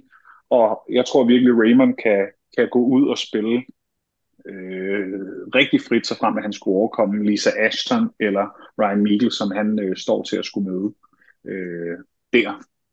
Havde du noget, Mads? Du ligner en, der vil byde ind. Nå, men det er ikke nødvendigt, men jeg kan da godt, øh, fordi man kan jo sige, nærmest hele den der øh, sektion 3, der er jo en masse navne, som jo godt netop kunne flop. Altså, øh, Peter Wright kan jo øh, ryge ud med det samme, og Dimitri Vandenberg kan vi vel trods alt også, altså med hans øh, navn og, og, og placering på Order of Merit, så skal vi jo også forvente noget af ham, og det kan jo også godt komme til at koste ham. Øh, Clayton, Ratajski, altså der er mange navne i den sektion, man kan nævne, som det kan blive rigtig slemt for. Øh, så er der måske også andre. Gary Anderson, det er jo den der mærkelige joker, ikke? Fordi altså får han ikke noget med her, så jeg har faktisk ikke engang tjekket op på, hvad det kommer til at betyde for hans verdensrangliste. Men han er vel efterhånden rigtig afhængig af, at han bliver ved med at kunne præstere godt til VM, for han kan blive i toppen. Øh, og der kan man sige, jo, han har måske fået en OK lodtrækning lige de første par kampe, men det er ikke givet, at han kommer videre en, længere end øh, tredje runde. Mm. Jeg har en øh, indskydelse i forhold til Gary Anderson, fordi faste lyttere af programmet vil vide, at jeg har jo fremlagt en teori om, at han øh, indstiller karrieren øh, undervejs i det her verdensmesterskab. Han deltog for nylig i et øh, interview med Online Darts, hvor at øh, min teori den blev godt og grundigt øh, ja, gjort til grin. Han han har ikke tænkt sig at stoppe karrieren, øh, selv ikke hvis han taber til en øh, Prakash Chiva i sin første kamp. Han, øh, han åbnede faktisk øh, mulighed. Altså for det første så virkede han helt vildt tændt på, at til næste år, han skal ud og vinde rangliste point, og han vil tilbage, øh, hvor det er sjovt. Men han, han åbnede faktisk øh, døren for, at han vil spille øh, kvalifikationsturneringer til Europaturen, hvilket han jo ikke har gjort i en god håndfuld år efterhånden. Og øh, jeg må sige, det overrasker mig meget, fordi han jo står i en position, hvor altså, han, han skal jo nok i en semifinal, for at et, en Premier League øh, plads kan være på tapetet. Og hvis ikke Gary Anderson han kan spille Premier League og spille World Series, altså han slår mig ikke som typen, der elsker at spille Players Championship turneringer i, i Minehead, så, eller i Wigan for den sags skyld. Så det, det bliver spændende. Men spørgsmålet er jo så, om hvis han netop ikke skal spille Premier League og World Series, hvad det har af betydning for den her evige snak om hans ryg og hans fysik og mange rejsedage. Det kan jo være, at det et eller andet sted taler til hans fordel, selvom, som du siger, motivationen måske ikke er kæmpestor for, for guldturneringerne. Det øh, bliver i hvert fald utrolig spændende at, at følge. Man kan sige, at han har jo faktisk været øh, statistisk set utrolig godt spillende på Players Championship-turen i år, så vi ved, at han har niveauet. Øh, spørgsmålet er bare, om han har niveauet ofte nok øh, men måske mest alt, om han har ilden til at lægge træningstimerne i det. Jonas? Ja, jamen, jeg vil bare fortsætte med et øh, par udfordrende situationer for, for nogle af sådan, altså, jeg har primært kigget på topfavoritterne, og et, et lille match, som også øh, sprang mig i øjnene, det er, hvad hedder det, Dirk van Dijvens Bodes potentielle modstander. Øh, Cedric Tjekken har vi set øh, levere rigtig god dart, men den person, jeg har mest kigget på her, det er altså Raymond Smith. Folk, der så VM i dart, vil måske øh, huske den her herre, hvis søn i øvrigt også øh, stillede op ved VM sidste yes, år. Var det ikke Kai sådan? Smith, ja. Kai Smith.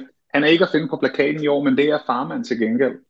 Øh, og Raymond Smith, han har varmet op i øh, den her uge ved online, Modus Online Darts League. Og af hvad jeg har kunne se på tallene, så ligner han en mand, der kommer i den samme VM-form. Og det er lidt den samme pointe igen. Dirk van Dijvenbode kommer ind til den her turnering som et af det hot, hot navne.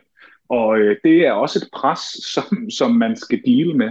Og at stå i sådan en anden rundekamp mod en Raymond Smith, der formentlig har skulle spille rigtig godt for at komme til den kamp, det tror jeg ikke nødvendigvis er en, er en speciel lækker medicin.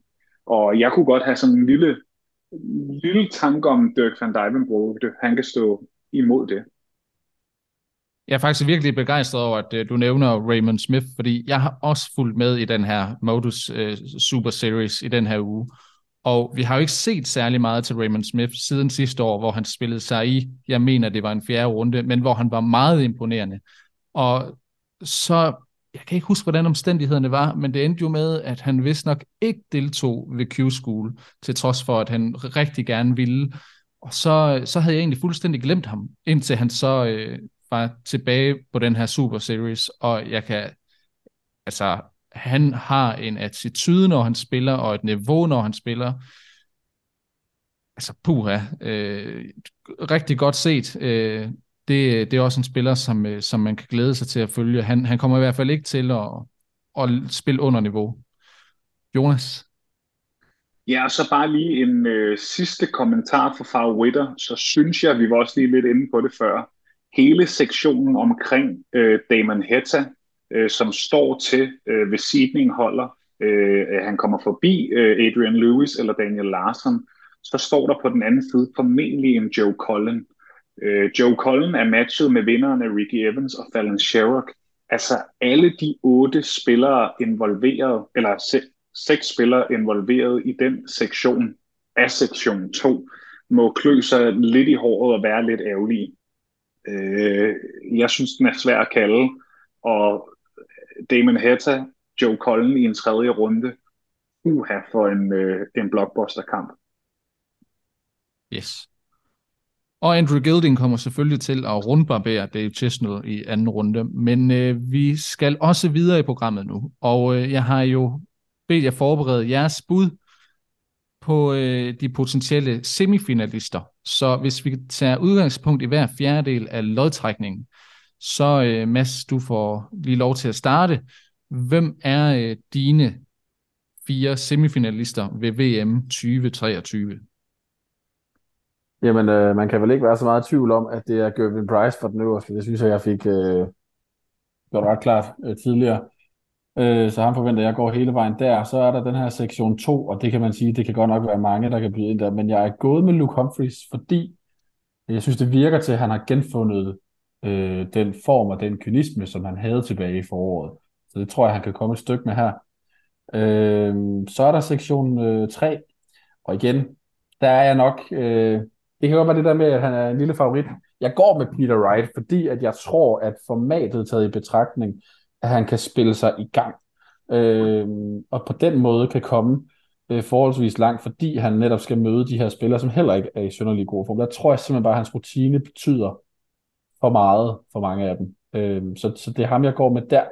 Øh, og så går jeg med Michael van Gerwen fra den, fra den nederste. Øh, jeg har svært ved at se ham ja, ikke nå finalen for en sags skyld. Ja, vi øh, træder lige vandet et øjeblik, fordi øh, Jonas han er lige ophængt et øjeblik. Øh, så jeg vil lige øh, bede dig, Mads, øh, mm. uddybe særligt den her del af lodtrækningen med Luke Humphreys. Øh, fordi der er jo også Michael Smith, som er, er fjerde mm. side ved turneringen, og den tredje største favorit hos bookmakerne. Hvad er det, der gør, at du tror, Luke Humphreys har bedre chancer for at vinde VM end Michael Smith? Ja, jamen det er et eller andet sted kan man sige, det, det er jo tæt på, jeg vil sige, mavefornemmelse. Altså jeg synes, jeg har en forventning om, at de bliver Luke Humphries og Michael Smith, der møder hinanden i den her kvartfinale. Øhm, og, og, og der kan man sige, hvem skal så vinde der? Øh, Michael Smith har selvfølgelig måske en større øh, erfaring med VM-scenen, og er jo kommet langt tidligere. Øh, men jeg synes bare, at der er bare noget i mig, der siger, at, at Luke Humphries, han har tur i den lige nu, og det tror jeg bare godt, at han kan tage med videre, også fordi, at jeg har svært ved at se, at han skal spille sig fuldt ud, øh, før en eventuel fjerde runde kamp mod Dave Chisnell. Så jeg tror egentlig, han kan komme forholdsvis let igennem de første par kampe, hvor at Michael Schmidt tror jeg kommer til at slås lidt mere med det, fordi Martin Schindler, som han nok kommer til at rende ind i, har været bedre kørende, end han har gjort længe. Og så er det så måske en Joe Cullen eller Damon Hetta, der venter i fjerde runde. Så jeg tror, at Mike Schmidt måske vil komme lidt mere slidt ind til den kvartfinale, end Luke Humphries. Jeg vil. Så øh, er Jonas tilbage fra, øh, der er lige øh, en, øh, en lille datter, der skal ses til, går jeg ud fra. Men øh, Jonas, lad os høre din bud på de øh, fire VM-semifinalister. Ja, jamen øh, til trods for, at jeg argumenteret for, at Gervin Price han kan få en, øh, en hård vej igennem sin øh, sektion, så tror jeg stadig på, at han øh, forklarede øh, den del af arbejdet. Og så tror jeg, at han formentlig vil stå mod en Danny Noppert også i en øh, kvartfinale, og må ikke, at Valiseren så øh, kan gøre arbejdet færdigt. Jeg tror, den bliver tight. Altså, det, det er en, det er en 55-45, altså hvis de begge to er nået dertil, og jeg tror, det kan blive virkelig tight. Øh, I sektion 2, der er jeg egentlig også ret overbevist om, at øh, Michael Smith øh, skal forklare sin del af arbejdet for at nå frem til kvartfinalen. Jeg er mindre overbevist om, at, øh, at Luke Humphries han øh, klarer sig igennem den her, synes jeg, lidt tricky del af, af sin nederdel af den sektion. Øh, Dave Chisnell mod Luke Humphries, altså det er lidt den samme pointe, at Luke Humphries kommer ind som the hot, hot name of darts lige nu. Og jeg tror egentlig, det vil ligge rigtig godt til Dave Chisnell at komme ind under, eller øh, ja, undersidet i den kamp. Øh, han vil formentlig være underdog. Og jeg har sgu en fornemmelse af, at, øh, at Chissy han øh, godt ville kunne gøre det af med Luke Humphries der. Så jeg siger Smith og Chissy i, øh, i kvartfinalen, og så øh, Michael Smith dog øh, som, øh, som vinder. Og så er vi jo ved den her sektion 3, som jeg sad og nørklede med, og som jeg på en eller anden måde anså som den sværeste. Men det er den sværeste, fordi den er så åben. Jeg tror på, at Peter Wright han nok skal gøre det. Jeg synes, han har fået en rigtig god lodtrækning, øh, hvis man skal være helt ærlig. Heibrecht, Dimitri, Christoph Ratajski, jeg tror egentlig nok, han skal klare den. Og så er der den her øh, underdel af sektionen, hvor at jeg tror sgu, at det er VM og Johnny Clayton nu.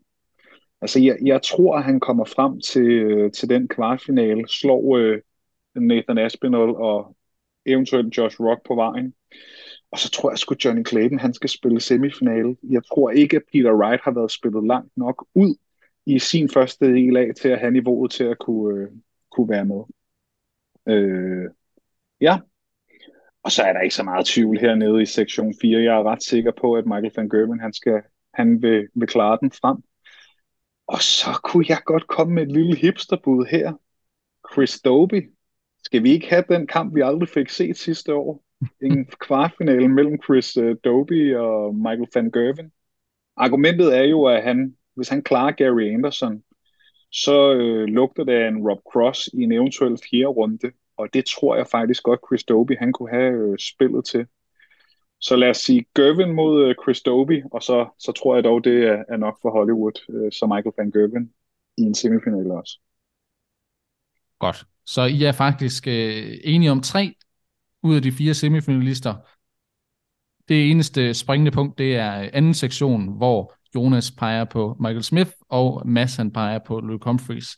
Jeg vil lige ja, hurtigt vende... sagt Johnny Clayton. Ej, du sagde da Peter Wright, ikke? Jo, jo, du sagde Johnny Clayton. Yes. Så vi er kun enige om to. Ah, yes, yes, yes. Det er min. Men øh, ja, vi skal lige hurtigt forbi ungdomsverdensmesteren Josh Rock. Øh, vi, vi har, jeg synes ikke, vi har talt nok om ham. Øh, hvorfor er det, at øh, Josh Rock han ikke går sejrigt gennem sin sektion, Jonas?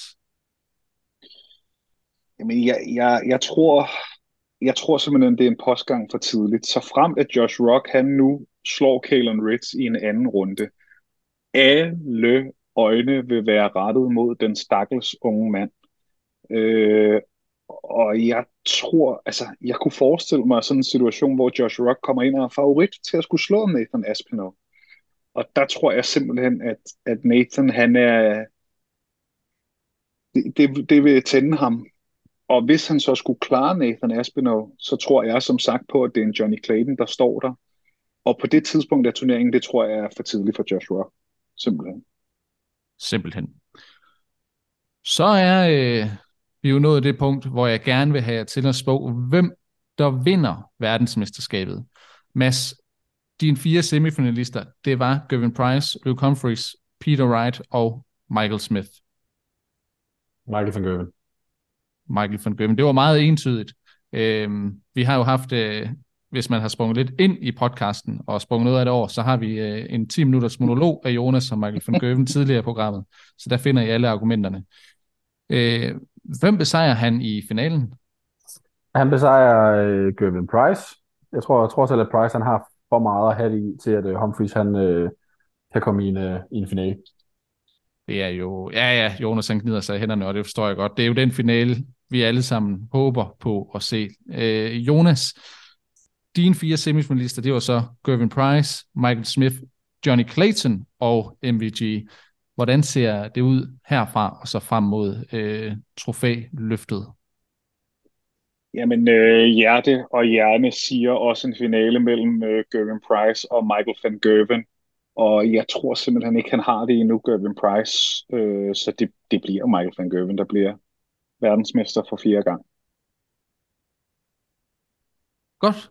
Så øh, er det øh, Michael van Gerven, I begge to peger på som kommende verdensmester, og hvis man skal se tilbage på hans karriere, kun tre verdensmesterskaber. Det er vel næsten også i underkanten af, hvad han, øh, hans niveau har berettiget til.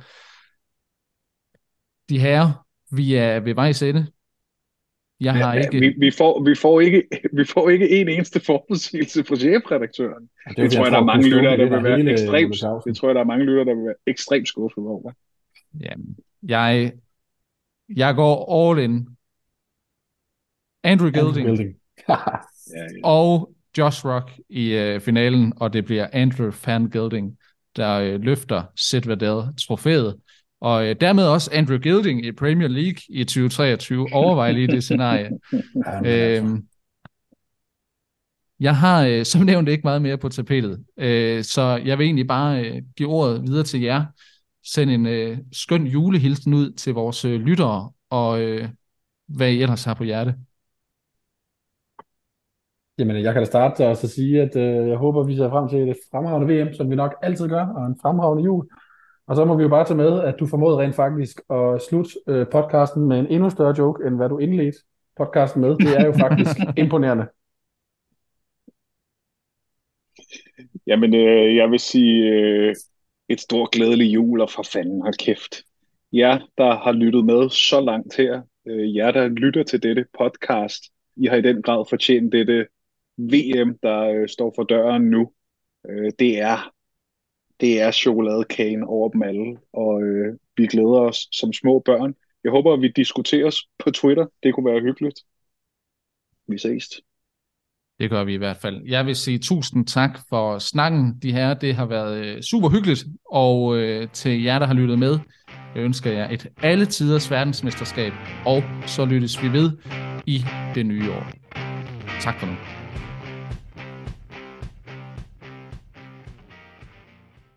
Det er Ja, selvfølgelig et Hjalmar. piletræ. Wow. Ej, Daniel.